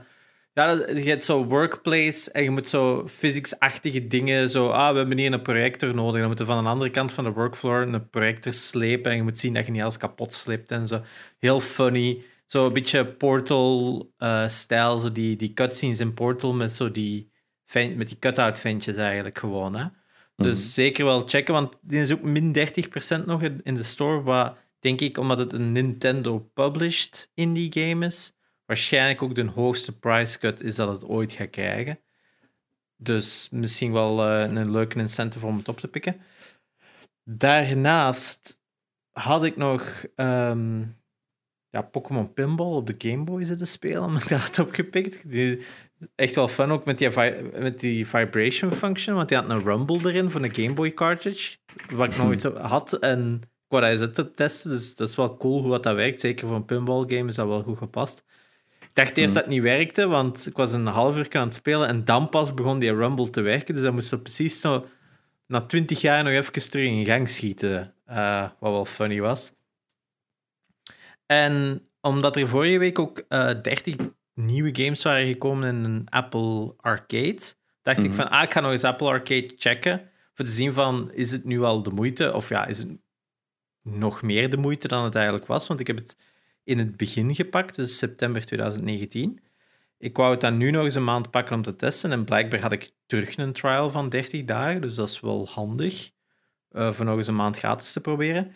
En ik heb eh, Manifold Garden zitten spelen. Wat een soort van 4D puzzelgame is. Het is zo, ehm, zo een beetje Escher-stijl. mix met een beetje Mondriaan misschien. Maar je hebt zo levels. En als je eigenlijk naar beneden valt, dan komt je eigenlijk terug van boven terug uit. En als je naar een muur kijkt, dan kun je eigenlijk heel de gravity veranderen, dat je dan op die muur kunt beginnen wandelen. En zo moet allemaal puzzels doen met kleuren en rivieren en blokken op de juiste plaats plaatsen, dat dat dan de gravity niet meepakt en zo. Heel cool spel, heel visueel, eh, eh, visueel pleasing. Ik had er enkel op drie uur zat ik erdoor. Dus perfect Ah, eigenlijk voor zo eens een dagje. Gewoon pakt u een Apple Arcade, pakt u een MacBook en speelt even door. Echt fun. Het is natuurlijk ook op iPad en iPhone, maar ik denk dat het wel waarschijnlijk het beste speelt op uw PC, op uw Mac, om het juist te zeggen. En dan had ik ook die nieuwe... Mac, baby. Ja, eindelijk games op een Mac. Hoe, de dank. En dan had ik ook nog die Fantasian gecheckt. Die eh, hebben we al een paar keer besproken in de VE. Dat was een nieuwe RPG van de maker van Final Fantasy 1. Met de muziek ook van Nobuo Uematsu. En het speciale aan die game was dat die daar met maquettes hadden gewerkt en foto's hadden gepakt. En dan lopen ze met 3D-characters op die maquettes. En het is wel cool, want soms loopt het zo in één richting en verandert de camera, eh, pakt, pakken ze een ander camerastandpunt. Mhm. En het is niet gelijk bij Resident Evil of de oude Final Fantasy dat er zo fade-in, fade-out is. Ze hebben echt wel zo'n soort van morph transitie erin zitten, wat wel heel cool gedaan is. Dat echt zo de camera precies beweegt, maar ja, het moet wel een soort van morph zijn tussen die twee foto's. Het enige is waarom die maquettes. Het ziet er op zich wel mooi uit, maar de limitaties zijn na een half uur of een uur spelen al duidelijk. Er zijn, je merkt van, ah ja, we kunnen geen coole camerastandpunten doen, dus alles is zo van kei ver. En als ze met momenten inzoomen, dan wordt het super pixelig, die achtergronden, want die resoluties van die foto's zijn veel te laag. Dus ik denk Als dat ze het zichzelf... Ze hebben dat niet geüpdate met, met dichter genomen foto's of? Nee, dan is dat zo super pixelated. En dan zit je van, ah, wauw, hier valt heel uw maquette-feeling ook weg, want nu wordt het gewoon super Photoshop. Steken wel zo wat effecten op die, die foto's, waardoor het soms ook wel meer lijkt dan enkel de maquette. Maar dan denk ik van, 3D staat ook al zo ver dat je dat evengoed met CGI-renders had kunnen doen en zelfs die look had kunnen doen. En ik denk zelfs sneller tot je eindproduct had gekomen. Maar het grootste probleem is, wederom, het spel begint, who am I? I have amnesia. Ja. Ah, hoe fucking beu dat ik dat ben. Het hoofdpersonage dacht ik ook eerst dat het een, een vrouw was. Ik moet maar eens opzoeken. Fantasian, main character. Dat is, ik snap, die heeft een diadeem in zijn haar, wit haar, hij precies nog wimpers en al. Ik had zoiets van, wauw, t- oké, ik speel met, met een mesje. Nee, het is zo weer zo'n mega, mega Japanese pretty boy ding dat ik zoiets heb van, wauw, en dat is dan de tough guy gegeven. Ik, I'm not buying it. En het grootste probleem is, ze hebben dan weer zo die typische Final Fantasy... Wat is dat? Final Fantasy 10, Final Fantasy vandaag eh, stijl. Dat is zo eigenlijk Near Automata en zo. Zo die overdesigned, alles met 10.000 straps stijl. Alles ziet er eigenlijk gewoon stom uit, laten we het zo zeggen. En dat steken ze dan op die maquettes.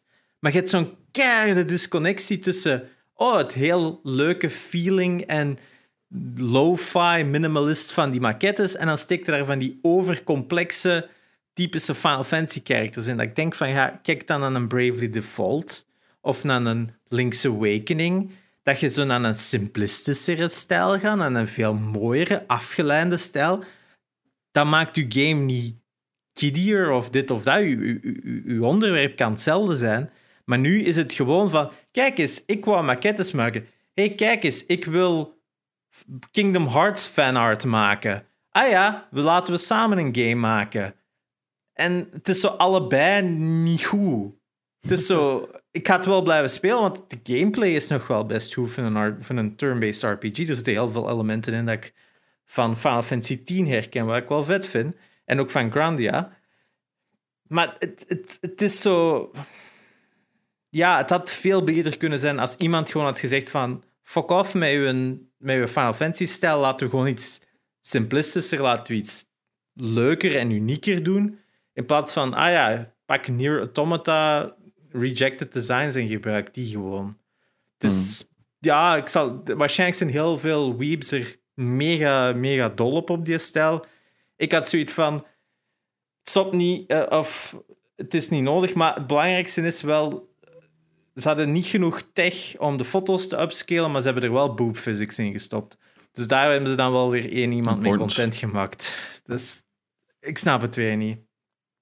Maar er zijn nog andere Apple Arcade games dat ik nog wel wil checken. Samurai Jack staat er onder, onder andere op. De Oef. PS, hetzelfde als de PS4 en de Switch-versie. Dus ik ben benieuwd hoe goed dat, dat kan runnen op een iPad. Ehm, ja, Grindstone staat er ook op. Blijft ook een topgame. Ehm dat alleen al is de reden om eens even 30 dagen Apple Arcade te pakken. Eh, en dan tenslotte heb ik ook die Outriders gecheckt. Die een nieuwe Game Pass Destiny-kloon. Ja, ja, Stay away. ja. Is echt? ik hoorde zo nogthans redelijk. Ja, It's ook. mediocre. Oef. Het is goed mediocre. Ik denk, gelijk dat ik andere mensen het ook al hebben gezegd, ik denk dat het heel veel slack, eh, dat het heel veel ehm, door de vingers gekeken wordt, omdat het gratis is bij Game Pass. Ik denk dat dat in zijn voordeel werkt. Ik, het aiming zit niet goed. Het is zo, het een van de grootste problemen. Ik speel op een Xbox One X. ik zou denken dat het daar al toch al redelijk voor optimized zou moeten zijn. Maar ik heb dat zo typisch dat je zo draait met je aim en je laat los, dat je aim zo nog precies even doorgaat. Dat is zo, dat is zo... Ja, en voor een shooter is dat wel best lastig. Er zit ook verschrikkelijk veel motion blur op. Je kunt dat gelukkig afzetten. Maar Nou ja. het, dat hield, hield ook niet. Het is duidelijk van als er daar veel volk is, is er duidelijk een probleem met de framerate van het aimen of zo, waardoor je soms gewoon langer aimt. Eh, gunplay voelt gewoon niet goed aan. Het is, het is gewoon heel simpel. Het, is, het division-probleem zit er natuurlijk ook weer in. Maar Hmm. het voelt gewoon niet goed. Het is een Destiny-clone en het enige wat het mij geeft is gewoon goesting om Destiny te spelen. Want gunplay zat daar heel goed, framerate zat er heel goed. Alles aan die game zat heel goed. En dit is gewoon heel sluggish. Eh, art design is, is oké. Het past misschien bij het thema en zo. Maar een van de. Dit is misschien wat spoiler territory, maar ook niet echt, want het is van het eerste uur van het spel. Is, het verhaal is gewoon: de aarde is, is, is fucked up. Ze vertrekken met een spaceship, ze komen op een planeet toe. Ah, dit is habitable. Ehm, laat ze maar komen. En dan, terwijl het dan de andere mensen van het schip, want je bent een soort van probe dat, dat, dat die planeet gaat verkennen. Je zegt van, ah ja, dat ziet hier wel goed uit. En dan komt het tot de conclusie van, hier zijn mega dodelijke eh, bliksemstormen, die dat gewoon mensen instant vermoordt. Maar het vermoordt u niet, het augment u, waardoor dat je meer powers krijgt, bla bla bla. En dan zo de rich tycoon, ja nee, we gaan hier toch komen en bla bla bla. En jij wordt in een cryo gezet en je wordt 30 jaar later wakker. En iedereen is kwaad natuurlijk, want die, die nieuwe aarde is even fucked up als de oude aarde. En dan is er een oorlog tussen verschillende facties. En dat is dus 30 jaar, maar je komt dus op die planeet, je loopt rond en er is zo'n stuk en dan lig je echt gewoon in die oorlog tussen trenches en bla bla bla. En daar liggen gelijk duizenden lijken. Dat ik ook denk van, het is 30 jaar tijd sinds dat je op die planeet bent gekomen. That's not how it works. Hoeveel mensen, hoeveel miljoenen mensen, duizenden mensen zaten er al in dat ruimteschip? Het is zo heel een tijd van... Ik, snap dat je het wilt voor je verhaal, maar binnen in je context lijkt het allemaal een beetje... Oh, we hebben geen resources. Want ze zeggen ook, we zijn op deze planeet en er is niet genoeg eten en er is niet genoeg resources, maar we hebben wel genoeg resources om een heel oorlog te, te wagen. En we hebben wel genoeg plaats om een hele stad te bouwen. En, en het, is allemaal zo van... I get it, but it's, there's not enough to make it work. Uh, het is niet gelijk Destiny, wat een heel grounded story is, maar dat... Is dat. Het geeft mij gewoon meer goesting om Destiny te spelen. Punt. en het is dat. Ja, ik had er wel... Ik had er misschien... Ik had er nu niet hoge verwachtingen voor, maar ik had wel gehoopt dat het iets nieuws ging zijn. Maar ja, ik denk niet dat ik het nog veel ga spelen. Ja, zeker voor die prijs toch. Maar ja, als het free is op Game Pass. Het is dat. En, en qua, qua mechanics is het exact. Hè. Je doet een missie. Oh, ik vind weer een nieuwe loot drop dat beter is dan het huidige dat ik heb. Het is zo die constante loop.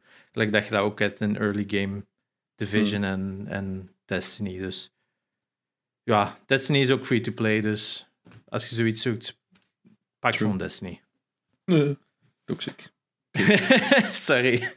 Ja, ik ben op dat vlak misschien soms wat kritisch, maar ja, Ik, ik, ik was er naar aan het kijken. Ik had iets van, ja, ik vind het er niet zo goed uitzien. het ziet er echt niet goed uit. En ook een stom ding is, de eerste bossfight komt echt zo'n dude tegen dat zo mega jacked is en power zegt gelijk van hier tot ginder. Jij hebt je powers letterlijk twee uur in de story en jij kunt die fucked up, jacked up electricity dude verslaan. That doesn't make sense. Die gast is al jaren powered. Waarom zou jij met op dat punt nog niet eens echt onderbouwde powers, want je bent nog aan het levelen, dus je hebt nog niet eens alles, dan kunnen die wel verstaan. Als er nu iemand anders bij zit dat ook augmented was, dan had dat logischer geweest. Of je waart met een team of dat. Maar ik was solo, dus dat paste niet. En het zijn zo van die kleine dingen dat ik zoiets heb van... Oké, dat is mega kritisch, maar als je wilt opgaan tegenover een Destiny, waar dat ze wel al die details goed hebben uitgewerkt, dan moet je ook wel zien dat je moet ook wel klaarstaan om aan diezelfde, ehm, hetzelfde publiek te krijgen. En aan dezelfde voorwaarden en verwachtingen te zitten. En dat vlak zit ze een beetje tekort. Ik vond ook dat er wat te generic uitzag. Het ziet er inderdaad een beetje generic uit. Het is dat. Goed, Ik had, zo, maar... ik had zo ene streamer dat ik volgde die dat zo aan het spelen was. En elke keer als ik keek, had ik zoiets van: hey, je hebt dat niet net al gezien. Mm. je snapte zo dat. Ja, ja het is dat, het is dat. En ook de menu is gewoon... Ah ja, die Destiny-menu ziet er eigenlijk wel best goed uit. Joink! En dan richt ik dat is echt exact hetzelfde dezelfde manier van bediening. Exact dezelfde infini op de achtergrond. Het is echt, ja, op dat vlak een beetje lazy. En dan is het ook moeilijk om het niet te vergelijken, natuurlijk. Hmm. Dus dat. Maar ik denk dat dat zo wat het belangrijkste is dat ik heb gespeeld, denk Pac-Man ik. 99. Pac-Man 99, just. eh, heb ik maar even vanochtend gecheckt. Er zit 0,0 uitleg in die game. En op zich leuk. is dat fijn, want eh, het is Pac-Man, hè, ontdek het wat. Maar je hebt zo'n... Je hebt, in Tetris is het eigenlijk gewoon die vier targeting dat je kunt doen. Hè. Je kunt iemand targeten als counter, je kunt iemand random pakken, je kunt iemand close to KO, of gewoon eh, nog iets anders doen. Hè. Maar bij het Pac-Man 99 voegen ze nog vier extra knoppen toe, naast die targeting, dat dan standard, train, strong en speed is. En wat dat, dat doet, wordt nergens uitgelegd. Het enige wat ik merk is, als ik strong doe en ik pak een power pellet, gaan die ghosts sneller terug naar normaal. En als je speed doet, dat duurt al langer. En dat heeft te maken met wat je doorstuurt naar andere mensen. Als je dan ghost opeet, stuur je een soort van Pac-Man spookjes, maar niet Pac-Man spookjes. Nee, een spookje van Pac-Man. Om het nog verwarrend te maken. Eigenlijk gewoon een grey outline van Pac-Man naar andere mensen. En als je daar tegen rijdt als Pac-Man, dan vertragen die u. Het eerste spel dat ik aan het spelen was, ging vrij goed. Ik zat al bij de top 20. En er komen er zo andere. En opeens komt er in plaats van zo grijze Pac-Man-spookjes, eh, pak, grijze Pac-mannetjes, komt er een rode. En ik denk van, ah ja, cool, dat is, een- dat is een rode. En ik rijd er gewoon los tegen en ik ben dood. Ja, Ah, oké, dus die mogen dan niet aanraken. En dat is dus compleet nergens uitgelegd. Dus ik was toen elfde of zo. En ja, het is zo dat vaak in dat spel. Je weet eigenlijk niet goed wat je doet. Het enige voordeel eraan is, denk een spel kan maximum twee minuten duren of zo. Het gaat heel snel. Het speelt natuurlijk goed, want het is klassieke Pac-Man. Maar heel veel regels, gelijk... Elke keer dat je fruit oppakt, wordt heel je grid terug opgevuld met power pellets en pellets. Maar als je eigenlijk dat niet doet, dan kun je meer pellets opeten, wat totaal geen nut heeft. Maar als je een heel board cleart, dan krijg je wel een speed up. Wat je daaraan hebt, of hoeveel dat, dat is, weet ik niet. Of dat de moeite is. Als je beter eigenlijk gewoon constant power pellets probeert te farmen, omdat je dan meer dingen kunt doorsturen. De strategie is mij nog wat onduidelijk, zeker naar de endphase. Ik denk het hoogste dat ik ben geraakt was vijfdes. Op de, ik denk vijf keer of zo dat ik heb gespeeld. Dus ik weet het nog niet.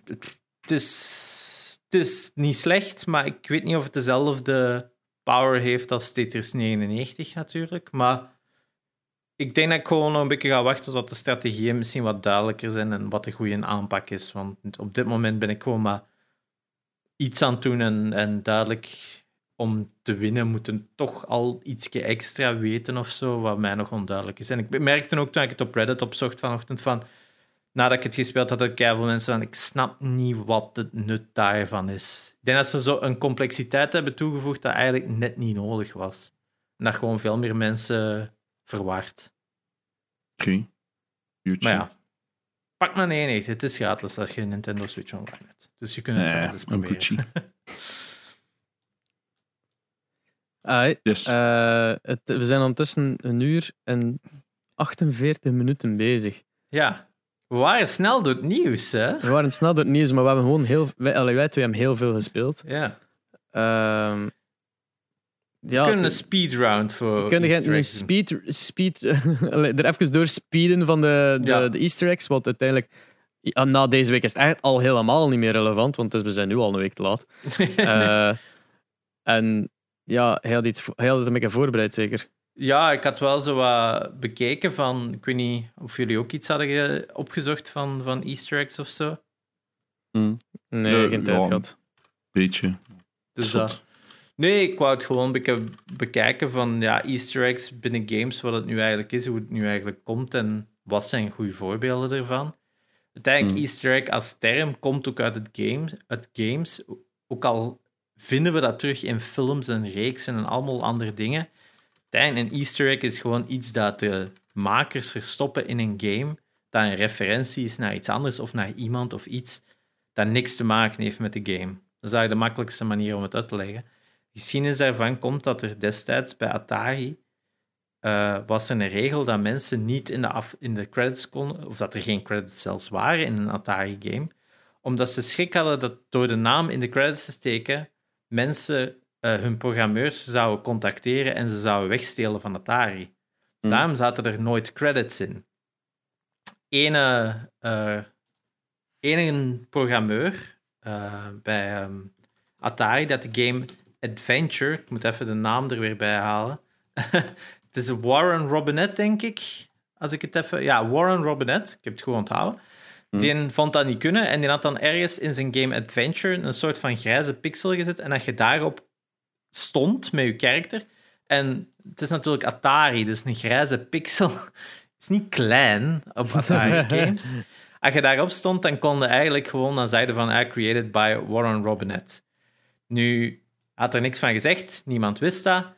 En een paar, eens dat de game uit was, heeft dan iemand, een kind hè, natuurlijk, dat ontdekt. En heeft toen geschreven naar ehm, Atari van, hey cool, ik heb dit ontdekt in jullie spel, ik vond het heel cool.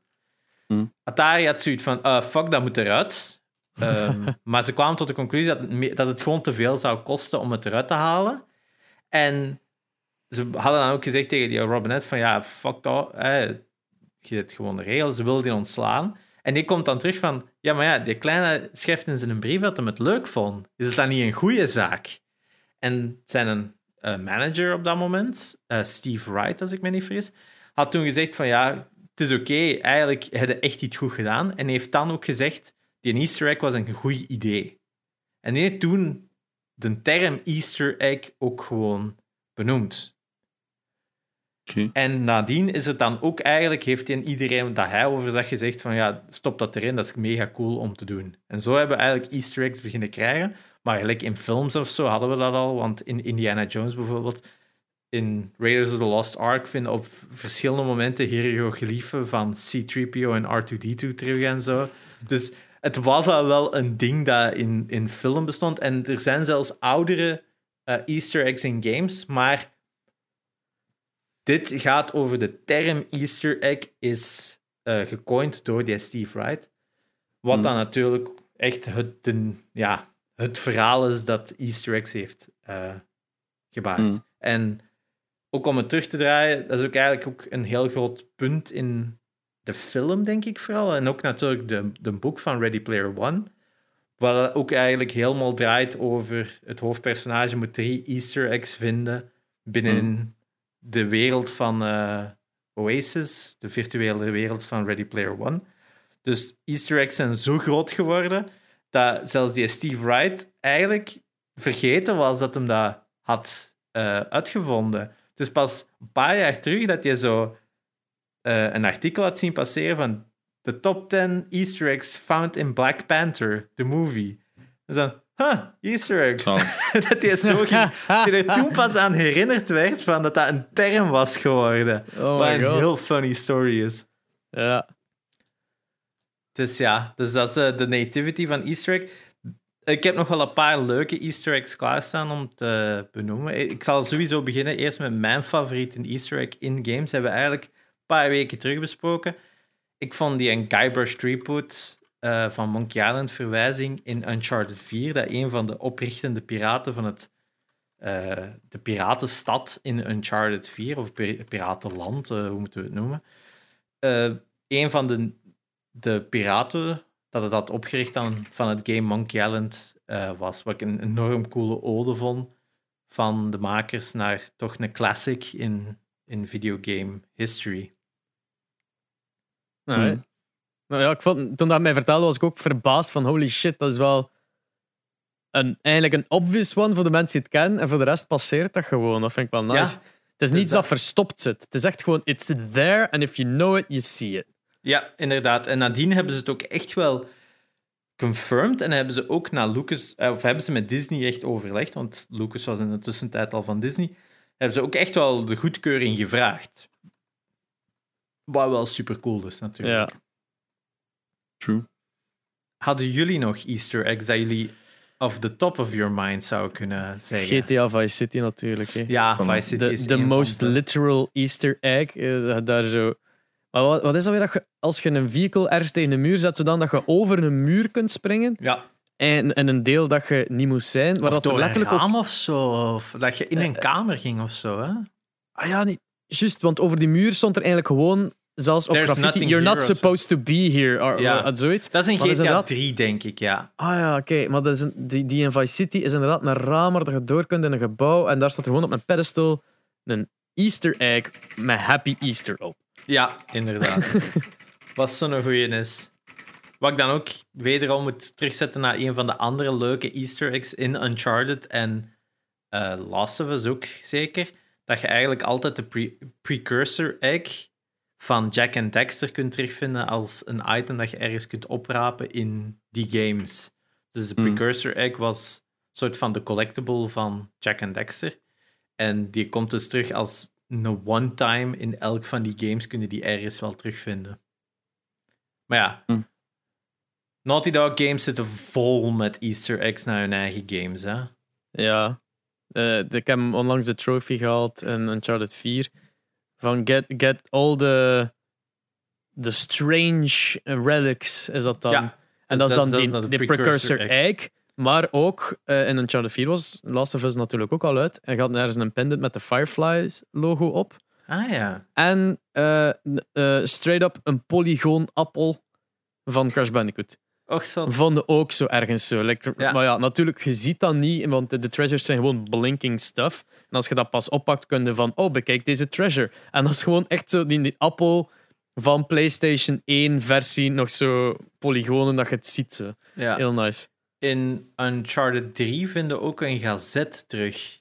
Die daar zegt van, oh, er is een vreemd geval met een soort van fungus aan het uitgroeien. en zo. Dus ook wel heel cool. En natuurlijk in ehm Last of Us Part 2 vinden heel veel Playstations terug. En ook ehm, boxes van Uncharted en Jack and Dexter en zo. Ja, ja. Maar je ehm, weet niet dat GTA, ik denk, allee, vrees ik dat 4, dat is zo waar dat de hart in. eh, dus het zal like dat juist zijn, maar dan heb je zo dat Statue of Liberty. En dan kun je naar die kamer gaan waar dat, dat hart zo gezegd zit. Dat is, een, eh, Ja. dat is de grootste Easter egg in die game. Ja, dat is ook echt zo een, een echt letterlijk hart dat zo met kettingen omhoog hangt en een beetje luguber wat. En dat is dan the heart of the city of zo, hè, dat ze het dan Inderdaad. noemen, denk ik. Ja, true. Dus veel Easter eggs zijn natuurlijk ook zo wat van wat, wat klassificeren we als een Easter egg. Want eh, bijvoorbeeld heel veel. De bekendste cheat dat we natuurlijk kennen is de Konami-code uit Contra. Dat je de up, up, down, down, left, right, left, right, BA start. Die als cheatcode is natuurlijk een remnant van codes om snel te kunnen testen. eh, zodat ze sneller echt gewoon die 99 levens en dan het game kunnen testen. Die code is ironisch genoeg wel een Easter egg in heel veel andere games. Als je die dan invoegt dat er in andere games eigenlijk iets gebeurt. En cheats zijn daar ook altijd zo wat een tussenwegje. Hè? Want cheats in bijvoorbeeld GTA zijn meer Easter eggs kunnen stellen, want die doen rare dingen in de game. Dat is eerder zoiets. Dit is niet intended in the game. Hè? De, de flying cars en wat ze nog allemaal als cheats in GTA. Dus de verschillende cheats. Ja, Bang Bang Bang bijvoorbeeld op PC en dan ontplofte alle auto's. Of Professional Tools in Vice City. Dan had je ehm, Professional Tools gehad. Oh, ik weet niet, ja, Killer Tools of zo, ik zeg maar iets. En dan gaf je altijd een andere set van guns. Eh, wat heb je nog? No Police Please. Als je ja, geen wanted level wou. Hm. Dan snap je, het is zo'n verschil tussen wat zijn cheats en wat zijn easter eggs. Ik heb het juist ook tegen u gezegd, gelijk bij Tony Hawk Pro Skater heb je zo heel veel coole... like dat je met Darth Maul kunt spelen of zo. Ja, dat, dat is zo'n halve easter egg, een halve... Je snapt het? Ja, het Of is zo, dat, Spider-Man en zo. Big Hits, inderdaad. Dat zijn al meer Easter eggs natuurlijk, Sorry. omdat ze zo... Het, het, ja, het spel zo... Het gaat al voorbij het spel natuurlijk. Hè. Het maakt het al iets meer belachelijk. Hè. Hmm. Ik heb ook wel overigens de, de meest pijnlijke Easter egg gevonden in een game. En die treffen we terug in ehm, Insomniac's Spider-Man. Ik weet niet of jullie het verhaal nog kennen, maar in eh, de Spider-Man game van 2018. Ik weet Ah, niet of het eh, met... Over ja, die, die gezichten? Nee, nee, nee. Of, ja, die, of die gigantische duiven. Nee, die Ja. zijn allemaal intended, wat eh, ziek genoeg is. Of- of Ah ja, maar er is toch zo... Ik weet dat van die, die faces die zo poly... Zo'n driehoek zijn, Ja. dat er, er is nog een meme of een callback in. Dus Juist. Op, dat, op, op zo'n schip of zo, dat er dan zo'n een van die eh kapiteins zo'n mega fucked up gezicht heeft of zo in Spider-Man. Nee, dit is nog erger. Er is ergens een billboard ehm, van een of ander theaterzaal of een cinema in Spider-Man en daarop staan de woorden Maddie, will you marry me? Het eh, tragische dat ik hierbij moet vermelden is dat tegen dat de game uitkwam, de relatie al helemaal vernield was. Dus ehm dat is Ah. Easter egg is enorm spijtig. Erger nog, de Maddie in kwestie vond dat het verhaal dat erover verteld werd zo eenzijdig was dat ze, of, dat ze echt een statement aan de Houston Press heeft gedaan over haar relatie om te zeggen van ja, het was eigenlijk al een jaar slecht. Eh, het was meer een moeder-zoon-relatie dan wat het echt moest zijn. Ik moest mij alles oplossen, dit en dat. Dus het is echt wel de zieligste of ergste eh, Easter egg in games. En zeker eh, spijtig genoeg waarschijnlijk voor die mensen. Altijd zoiets dat de rest van zijn leven wel eh, in zijn achterhoofd gaat gaan en zo oeh, eh, reactie zal opleveren. Ik heb no- nog een Easter egg dat mij de, de gedachten schoot, was de, de Chris Houlihan Room in. Legend of Zelda.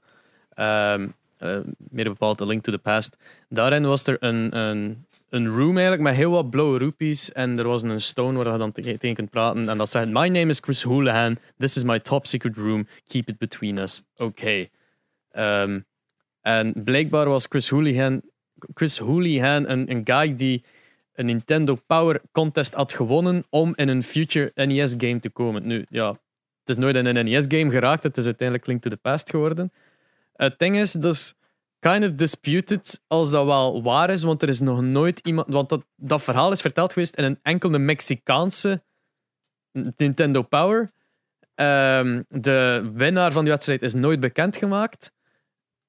En eh, de, de, er is nooit een Chris Houlihan naar voren gekomen van oh ja, that's me. Dus dat is zo, het is zo'n beetje contested van is dat nu waar of niet? Ja. Maar het is en blijft gewoon heel vreemd dat je min van een Legend of Zelda game een kamer hebt van Hallo, ik ben Chris Houlihan. Houlihan. Chris Ja. Houlihan. In, in ehm, It Takes Two zit er trouwens ook een referentie naar zo die kamer waar je al die potten moet kapotmaken van Legend of Zelda. En ik had zoiets van, wow, een Zelda-referentie. En ik snapte hem zelf. Ja, zie je. Ja, dat is ook heel veel. Easter eggs zijn nu ook zo embedded in games, ter- terwijl er vroeger zo eens één of twee was in een games, en nu heel veel games vol met Easter eggs. Hè. Pak bijvoorbeeld Borderlands, is gewoon referentie Ja, naar is referentie naar meme, andere games. Het is dat. Een van de coolste eh, Easter eggs in Borderlands 2 is natuurlijk wel dat je op een gegeven moment een muur kunt kapotschieten en dat je daar dan doorgaat. Zit je gewoon in Minecraft en worden aangevallen door creepers en al, ziet alles er ook uit gelijk Minecraft. Dus dat was wel een super cool Easter egg. Maar om nog even terug te komen op Nintendo, want Nintendo en Easter eggs is altijd zo wat... Er zitten er wel in, maar het is nu niet van het kaliber als andere games. Maar één een leuke en coole is wel dat je dus het nummer...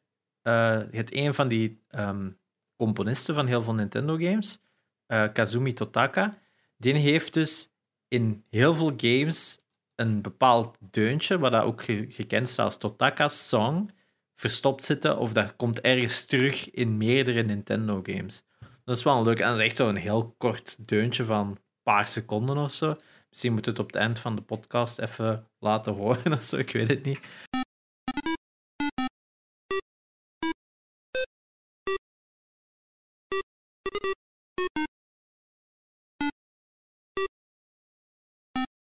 Maar eh dus eh, komt heel vaak terug. Dus zo in Luigi's Mansion, in Animal Crossing, in Mario Paint, eh, in Yoshi's Crafted World en zo. Dat, dat blijft maar terugkomen en zo, wat dat wel heel cool is. En Mario Kart 8 ook en zo. Dus wel een leuke Easter egg. Wat is vaak zo van. Wat ik het coolste eigenlijk vind, is als een Easter egg unintended is en dat ze het houden.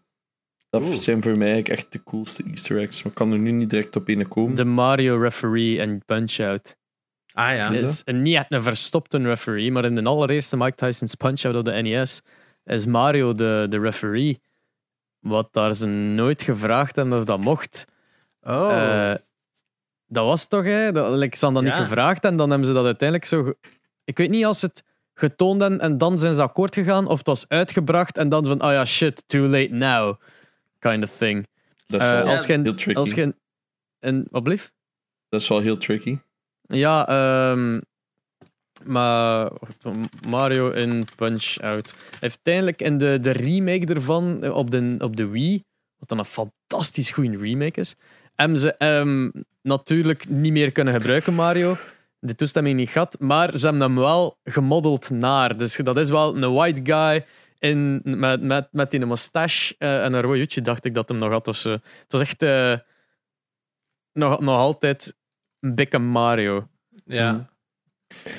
Trouwens, nog één. ehm, maar zie je, maar dat is dan weer is dan een Easter egg of niet? Like in Doom komt op een bepaald moment zo'n dude tegen, een skelet, en er zit zo'n een, een pijl in zijn knie. ja. En hij heeft zo'n helm aan van Skyrim. Ja, dat is dan naar de well-known meme van I took an arrow to the knee. Als iemand Yep. weet trouwens wat eigenlijk de officiële verklaring is waarom dat ze dat zeggen, I took an arrow to the knee. Ik denk dat dat gewoon heel vaak terugkwam hè, in Skyrim. Dat, dat elke keer als ze zo... Ah ja, ik, moet, ik, ik ging iets doen, maar dan heb ik een pijl in mijn knie gekregen en daardoor Ja. heb ik het niet kunnen doen. Ja, maar weet je wat dat eigenlijk betekent? Dat is echt van een Scandinavisch land. Dat betekent dat je Ah. getrouwd bent. Omdat je op je knie bent gegaan voor ehm je vrouw ten huwelijk te vragen. Ehm, dus daarom is dat eigenlijk dat je getrouwd bent. Och, zot. Dat is naar het schijnt de officiële verklaring. Ben ik fout of niet? Dat is wat ik heb gehoord. Ook eh, memes komen natuurlijk ook vaak terug in games. Ik denk een van de meme games ter meme games, of qua easter eggs, is natuurlijk Guacamelee. Waarin dat ze duizenden ehm, memes hebben vertaald naar de Mexicaanse wereld van Guacamelee. Eh Espe, jij herinnert u dat waarschijnlijk ook nog wel, al die billboards Ja, in Guacamelee. Maar eh, ik herinner mij nog expliciet van het vroeger, toen ik op eh, Game Boy nog Mega Man Battle Network aan het spelen was, is er op een gegeven moment ook een character dat aan het glitchen is, want dat speelt zich af in zo'n internet world. En die zegt de welbefaamde meme van All your base are belong to us. Als je daar tegen begint te praten. Dus dat is ook wel de meest old-ass meme dat je kunt eh, ja, refereren. Maar Guacamole zit vol met referenties. Hè. Dat is echt insane. Dat is echt insane. En die zijn ook al legit funny. En dan in een 2 is er ook Mhm. nog een, een, een passage dat je eigenlijk terugkomt in een soort van space, dat eigenlijk al die memes van de eerste game terug recycleert en daar zo bij zegt van oh, deze zijn allemaal zo outdated en zo verouderd en oh, wat dachten we en dit en dat. Dat is echt zo meta. Is hilarisch. Blijkbaar in The Witcher 2 ligt Altair dood. Naast, naast een, eh, een, een berg stro ligt er zo'n dode Altair. Funny. Dat wist ik niet. Een andere Mega Man ehm ding is, Mega Man Easter egg, dat ik ook wel cool vind, is in Resident Evil 3 is er blijkbaar een, een poster eh, dat je in vindt in een subway, dat zo twee oude mannen depict, die daar in het Science Forum gaan praten over Will robots surpass humanity? En dat zijn zo heel ge- ge- eh, realistisch gepainte gezichten, maar als je er goed op let, is het natuurlijk een verwijzing naar Dr. Wily en Dr. Light van de origineel Mega Man games. Ja, Dat is echt ook wel een coole easter egg, vond ik. In Mega Man zit ook de dinges, hè. de... Hadouken. Ja, de Hadouk- Hadouken. Wat dat like, wat unbeatable is of zo, of wat is dat super, super sterk? Of wat is het weer? Ja, je kunt echt alles mee neer... Er is heel veel bazen met één hit gewoon mee. Ja. Wat echt super cool is. Maar ja, dat, dat, het is ook wel... Je moet eerst alle power-ups vinden. En Ja. dan moet je denk ik nog eh, alle E-tanks ook vinden. Je moet echt alles vinden in de game. En dan naar de plaats gaan waar dat je... eh, naar zo'n plaats waar je dan een speciale jump moet doen. En dan kun je die krijgen. En het grappige is ook dat Dr. Light daar dan ook wel staat in gi. En met een headband. Echt gelijk eh, Ryu van Street Fighter. Ah, Wel super. Nice. Een andere eh, leuke easter egg. LucasArts games zitten vol met easter eggs. Er zitten echt zo passages in dat je in, in Day of the Tentacle kunt op een gegeven moment op een computer eh, zeggen van ah, play game. En dan kun je gewoon Maniac Mansion, de voorloper van Day of the Tentacle, volledig spelen op die computer. Zelfs erger nog, niet het origineel versie, nee, een upscaled remake van het origineel. Dus met nieuwe art en allemaal. Super vet. In, Mhm. Op een gegeven moment in Monkey Island 2 kun je ook vastzitten en kunnen naar de helpline bellen van LucasArts. Er zitten ook al superveel Star Wars referenties, maar een van de leukste eh, easter eggs in Monkey Island 1 komt op een gegeven moment, zit in een bos en dan zo vinden daar een, een stump, hè, dus een, een stam van een afgehakte boom. En als je daar naar kijkt, dan zegt hij van, oh, there's a hole at the base of this stump. In Monkey Island 3 is er ergens iets dat je je kop kunt doorsteken en komt er weer je kop uit Indian in dat bos van het eerste spel in dezelfde art, dus ook veel meer pixelated dan de huidige game. En dan zegt hij, ah, so this is where that stump led to. Dat is echt super raar. Oké. Maar echt gewoon In, een, een, ehm, een easter egg two games in the making, letterlijk.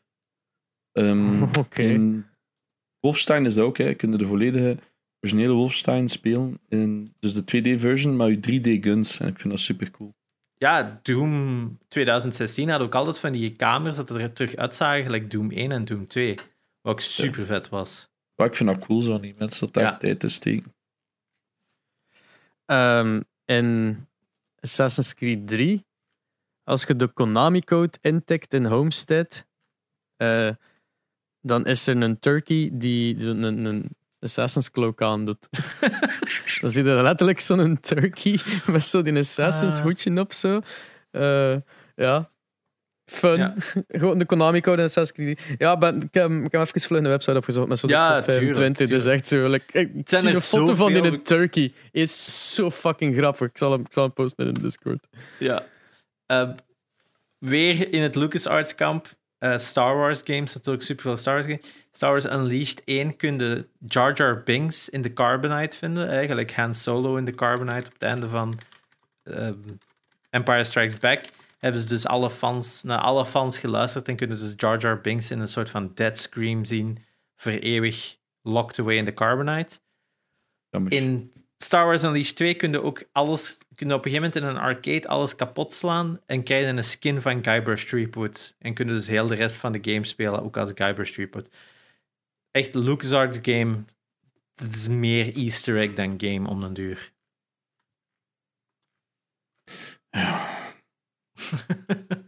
Ja, ik, ik vind dat super cool, daar niet van. Maar... Ja, Dus- Oh, ik, soms heb ik iets van misschien iets minder tijd in Easter eggs steken. Iets, meer eh, iets minder tijd in uw Easter eggs. Iets meer tijd in uw games we niet- is er- het... is er een easter egg cooler dan NBA Jam Tournament Edition? We kennen nog allemaal wel de game met de Boom Shakalaka en allemaal eh, de overdreven basketbal. Waarin dat je met een cheat kon spelen met Bill Clinton en Hillary Clinton. Maar ook met The Fresh Prince en Jazzy Jeff en The Beastie Boys en allemaal van die dingen. Wat ik denk totaal niet goedgekeurd was door de mensen in kwestie. Dat ze gewoon echt gewoon foto's hebben gepakt en daar gewoon ingestoken. En ja, dat, ik denk dat dat vandaag de dag is dat ook compleet anders. Hè. Toen denk ik, omdat dat games waren, doe maar. Eh, vandaag, ja, stel je voor een, bedrijf gelijk Sony of, of, of Ubisoft, als daar zoiets zou in zitten. Ah ja, we hebben hier een foto van Will Smith in ons game zitten. Eh, wat? dus ja, Eh, ik heb ook eh, nog een win van Batman, Batman Arkham Asylum, dus de eerste van de Arkham series. Eh, ja, niemand heeft de Easter egg ontdekt, dus ze hebben het gewoon zelf maar aangekondigd van by the way, you guys, als je de muur links in de Warden's Office opblaast, dan vind je iets cools. En dus blijkbaar gewoon in het groot aan de muur blueprints van eigenlijk een volgende game Arkham City. ja inderdaad. Twee jaar voor dat Arkham City is uitgekomen, zelfs denk ik een jaar voordat Arkham City, City aangekondigd was, Ja. is eh, Arkham Asylum uitgekomen. Dus dat was super vet. Dat mensen nadien gingen van, ah cool, dus dat is, dat toch al gewoon een teaser naar de sequel. Hoe lang zijn daar dan al aan bezig, man? Ja, Als je zelf al je volgende game weet. Het is dat, het- ik denk dat ze eigenlijk Naughty Dog ook altijd al meer met zijn volgende game bezig is in de laatste jaar dan eh, met het Hmm. huidige game. Omdat, ja, u, je hebt altijd uw, uw artists en uw storywriters zijn op dat punt gewoon met hun vingers aan het draaien in de laatste. Of toch niet fulltime bezig met de game waar je aan het werken bent. Dus dat is normaal dat die allemaal met het volgende project bezig zijn natuurlijk. Hmm. Toch zeker bij teams van die grootorde. Ja. Ik ben er wat toe aan, maar de rest herken ik eigenlijk niet. Zijn allemaal zo... Like Borderlands zit zo vol met verwijzingen. Oh, ja, maar soms Ja. memes en wat zijn easter eggs. En, eh, Is Ja, dat, de, Diablo 2 met de cow level. Dat ze allemaal ko- koeien op u afkomen, gelijk in die film daar. eh. of unicorns in Diablo 3. Secret, zo. Dat is- nee, het is niet Top Secret. Het is, eh, want Top Secret is met Charlie Sheen zeker. Ah nee, Nee, Val Kilmer- Val Kilmer. Val Kilmer. Val Kilmer, Ja, nee, die, die, die film waar dat naar refereert is zo. The power, Way of the Fist of the Power of the Fist of zoiets. Maar zo echt Ah, zo ja, ja, samengekut van. Kung, Pao. Pao. Ja, dat kan wel staan nu gratis op YouTube of zo, heb ik gehoord online. Serieus? Ah, ik moet die nog altijd een keer volledig zien. Want die is zo allee, van de pot gerukt. Want dat zijn scènes van van, officiële films. Van ene eh, film, van ene film. Van ene film wat dat hem zichzelf heeft in gerotoscoopt eigenlijk. Echt. Ja, inderdaad. Wat super insane is. Ik heb die vroeger ooit gezien. Dat is zo'n rare film. Hm. Een van de leuk, ik moet ook wel zeggen, een van de coolere, algemeen gekende Easter eggs is natuurlijk de, de, de Psycho Mantis van Metal Gear. Dat Ah, hij ja, dan uw memory card leest en zegt van, ah, you like Castlevania, hè? Als je dus een save game van Castlevania op je memory card had staan. Wat super insane cool, over de top. eh, pro- ja, dat, dat erin zit, is gewoon zo'n next level toen. Maar natuurlijk vandaag nog gewoon een heel cool Easter egg. Dat gewoon ook voorbij het status van Easter egg is gegaan. Ik denk dat dat veel meer vandaag gekend als een van de goede, beste momenten in games natuurlijk. Of toch van die tijd, laten we het zo stellen. Ook een, nog een kleine cool dat ik ook wel vet vond, was dat je in Donkey Kong Returns op een gegeven moment het, het gecrashte schip van Samus Aran van Metroid in de achtergrond zie. Zo in takken en bomen zit dat dan zo geland of, of gecrashed terug. Ook wel een super cool is. Zijn de Save the Animals, is dat een Easter egg van Super Save Metroid? the Animals is, is, is gewoon optional, hè? Ja, In Maar dat is zo, Metroid. je moet er echt op letten. Van, want basically, in Super Metroid zijn er, is er zo'n optionele room waar dat je eh de, zogezegd de habitants van de world kunt saven eigenlijk. Dus die animals noemen ze dat. Dat is een meme van de speedrun community. To save the animals or not. Want natuurlijk, dat kost tijd. Maar aan de andere kant, dat kan zo'n optional ding zijn dat, dat je hebt. Zo'n 100% run of niet. Ehm, maar als je die redt, dan is de eindcutscene ietsje anders. Namelijk als, als eh, Samus ontsnapt met haar spaceship en je hebt de animals gered, dan zie je zo in de achtergrond, voordat de planeet ontploft, eigenlijk nog een ander spaceship, zo, eigenlijk een lightstreak, gewoon verdwijnen zo in de achtergrond. Dus die animals zijn eigenlijk ook ontsnapt. Eh, een nice little touch, inderdaad, optional, Yes. niet een easter egg, maar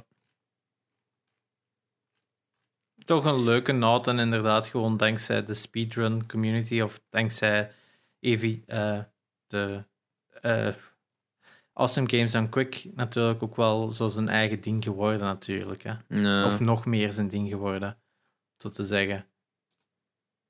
Ja, Easter eggs, het is natuurlijk super aanwezig en in super veel games. En kunnen daar denk ik nog uren over praten. Eigenlijk Dead Rising is een en al Easter egg na alles van Capcom.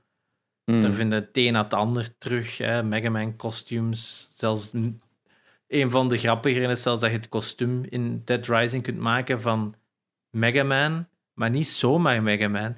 Mega Man van de box art van de Amerikaanse release van de NES-game. Dus die een slecht getekende, rare Heel. Mega Man. Dat ook denk ik zelfs nog een skin is in een ander game dat je kunt unlocken. Dat is echt zo. Dat vind ik ook weer keigoed Easter eggs is van die, die boxart van Mega Man 1 is walgelijk en verschrikkelijk. En zelfs nu op dit punt, dat, dat, dat is dus bij ehm, Capcom zoiets hebben van fuck it, make it a meme, lach er zelf maar mee. Maar ik weet nu niet meer eh, in welk game dat dat nu weer zat. Maar ik denk ook niet dat ik het snel ga terugvinden. Alhoewel, bad box art. Vind ik het terug. Resident Evil 3 zit hem blijkbaar ook als toy. Kunnen de Mega Man toy vinden dat eruit ziet gelijk de box art van de Amerikaanse cover. en in Street Fighter X Tekken is hij een playable character. Dat is het. Wauw. Dat is insane. Zelfs met een fucking bierbuik van hier tot ginder. Wat echt insane is. Dat, dat, eh, dat, vind ik, dat vind ik ook weer keigoed next level. Gewoon dat is zo hard mee lachen dat je het zijn eigen ding ook maakt. Alright. Is ehm, dat. ik denk dat ik best afsluit, want mijn vrienden zijn ik al Ja. half uur gereden gaan slapen. Het is dat. Eh, inderdaad. Ehm, als jullie nog eh, luisteraars goede easter eggs weten dat wij het niet over verteld hebben, laat het ons weten in de comments of in de Discord. Die, eh, de link staat altijd in de beschrijving. Yes. Eh, maar zoals altijd, super bedankt om te luisteren. Eh, mijn naam is Espe Ik was Sherry. Ik was Janox. en tot de volgende keer. Arrivederci.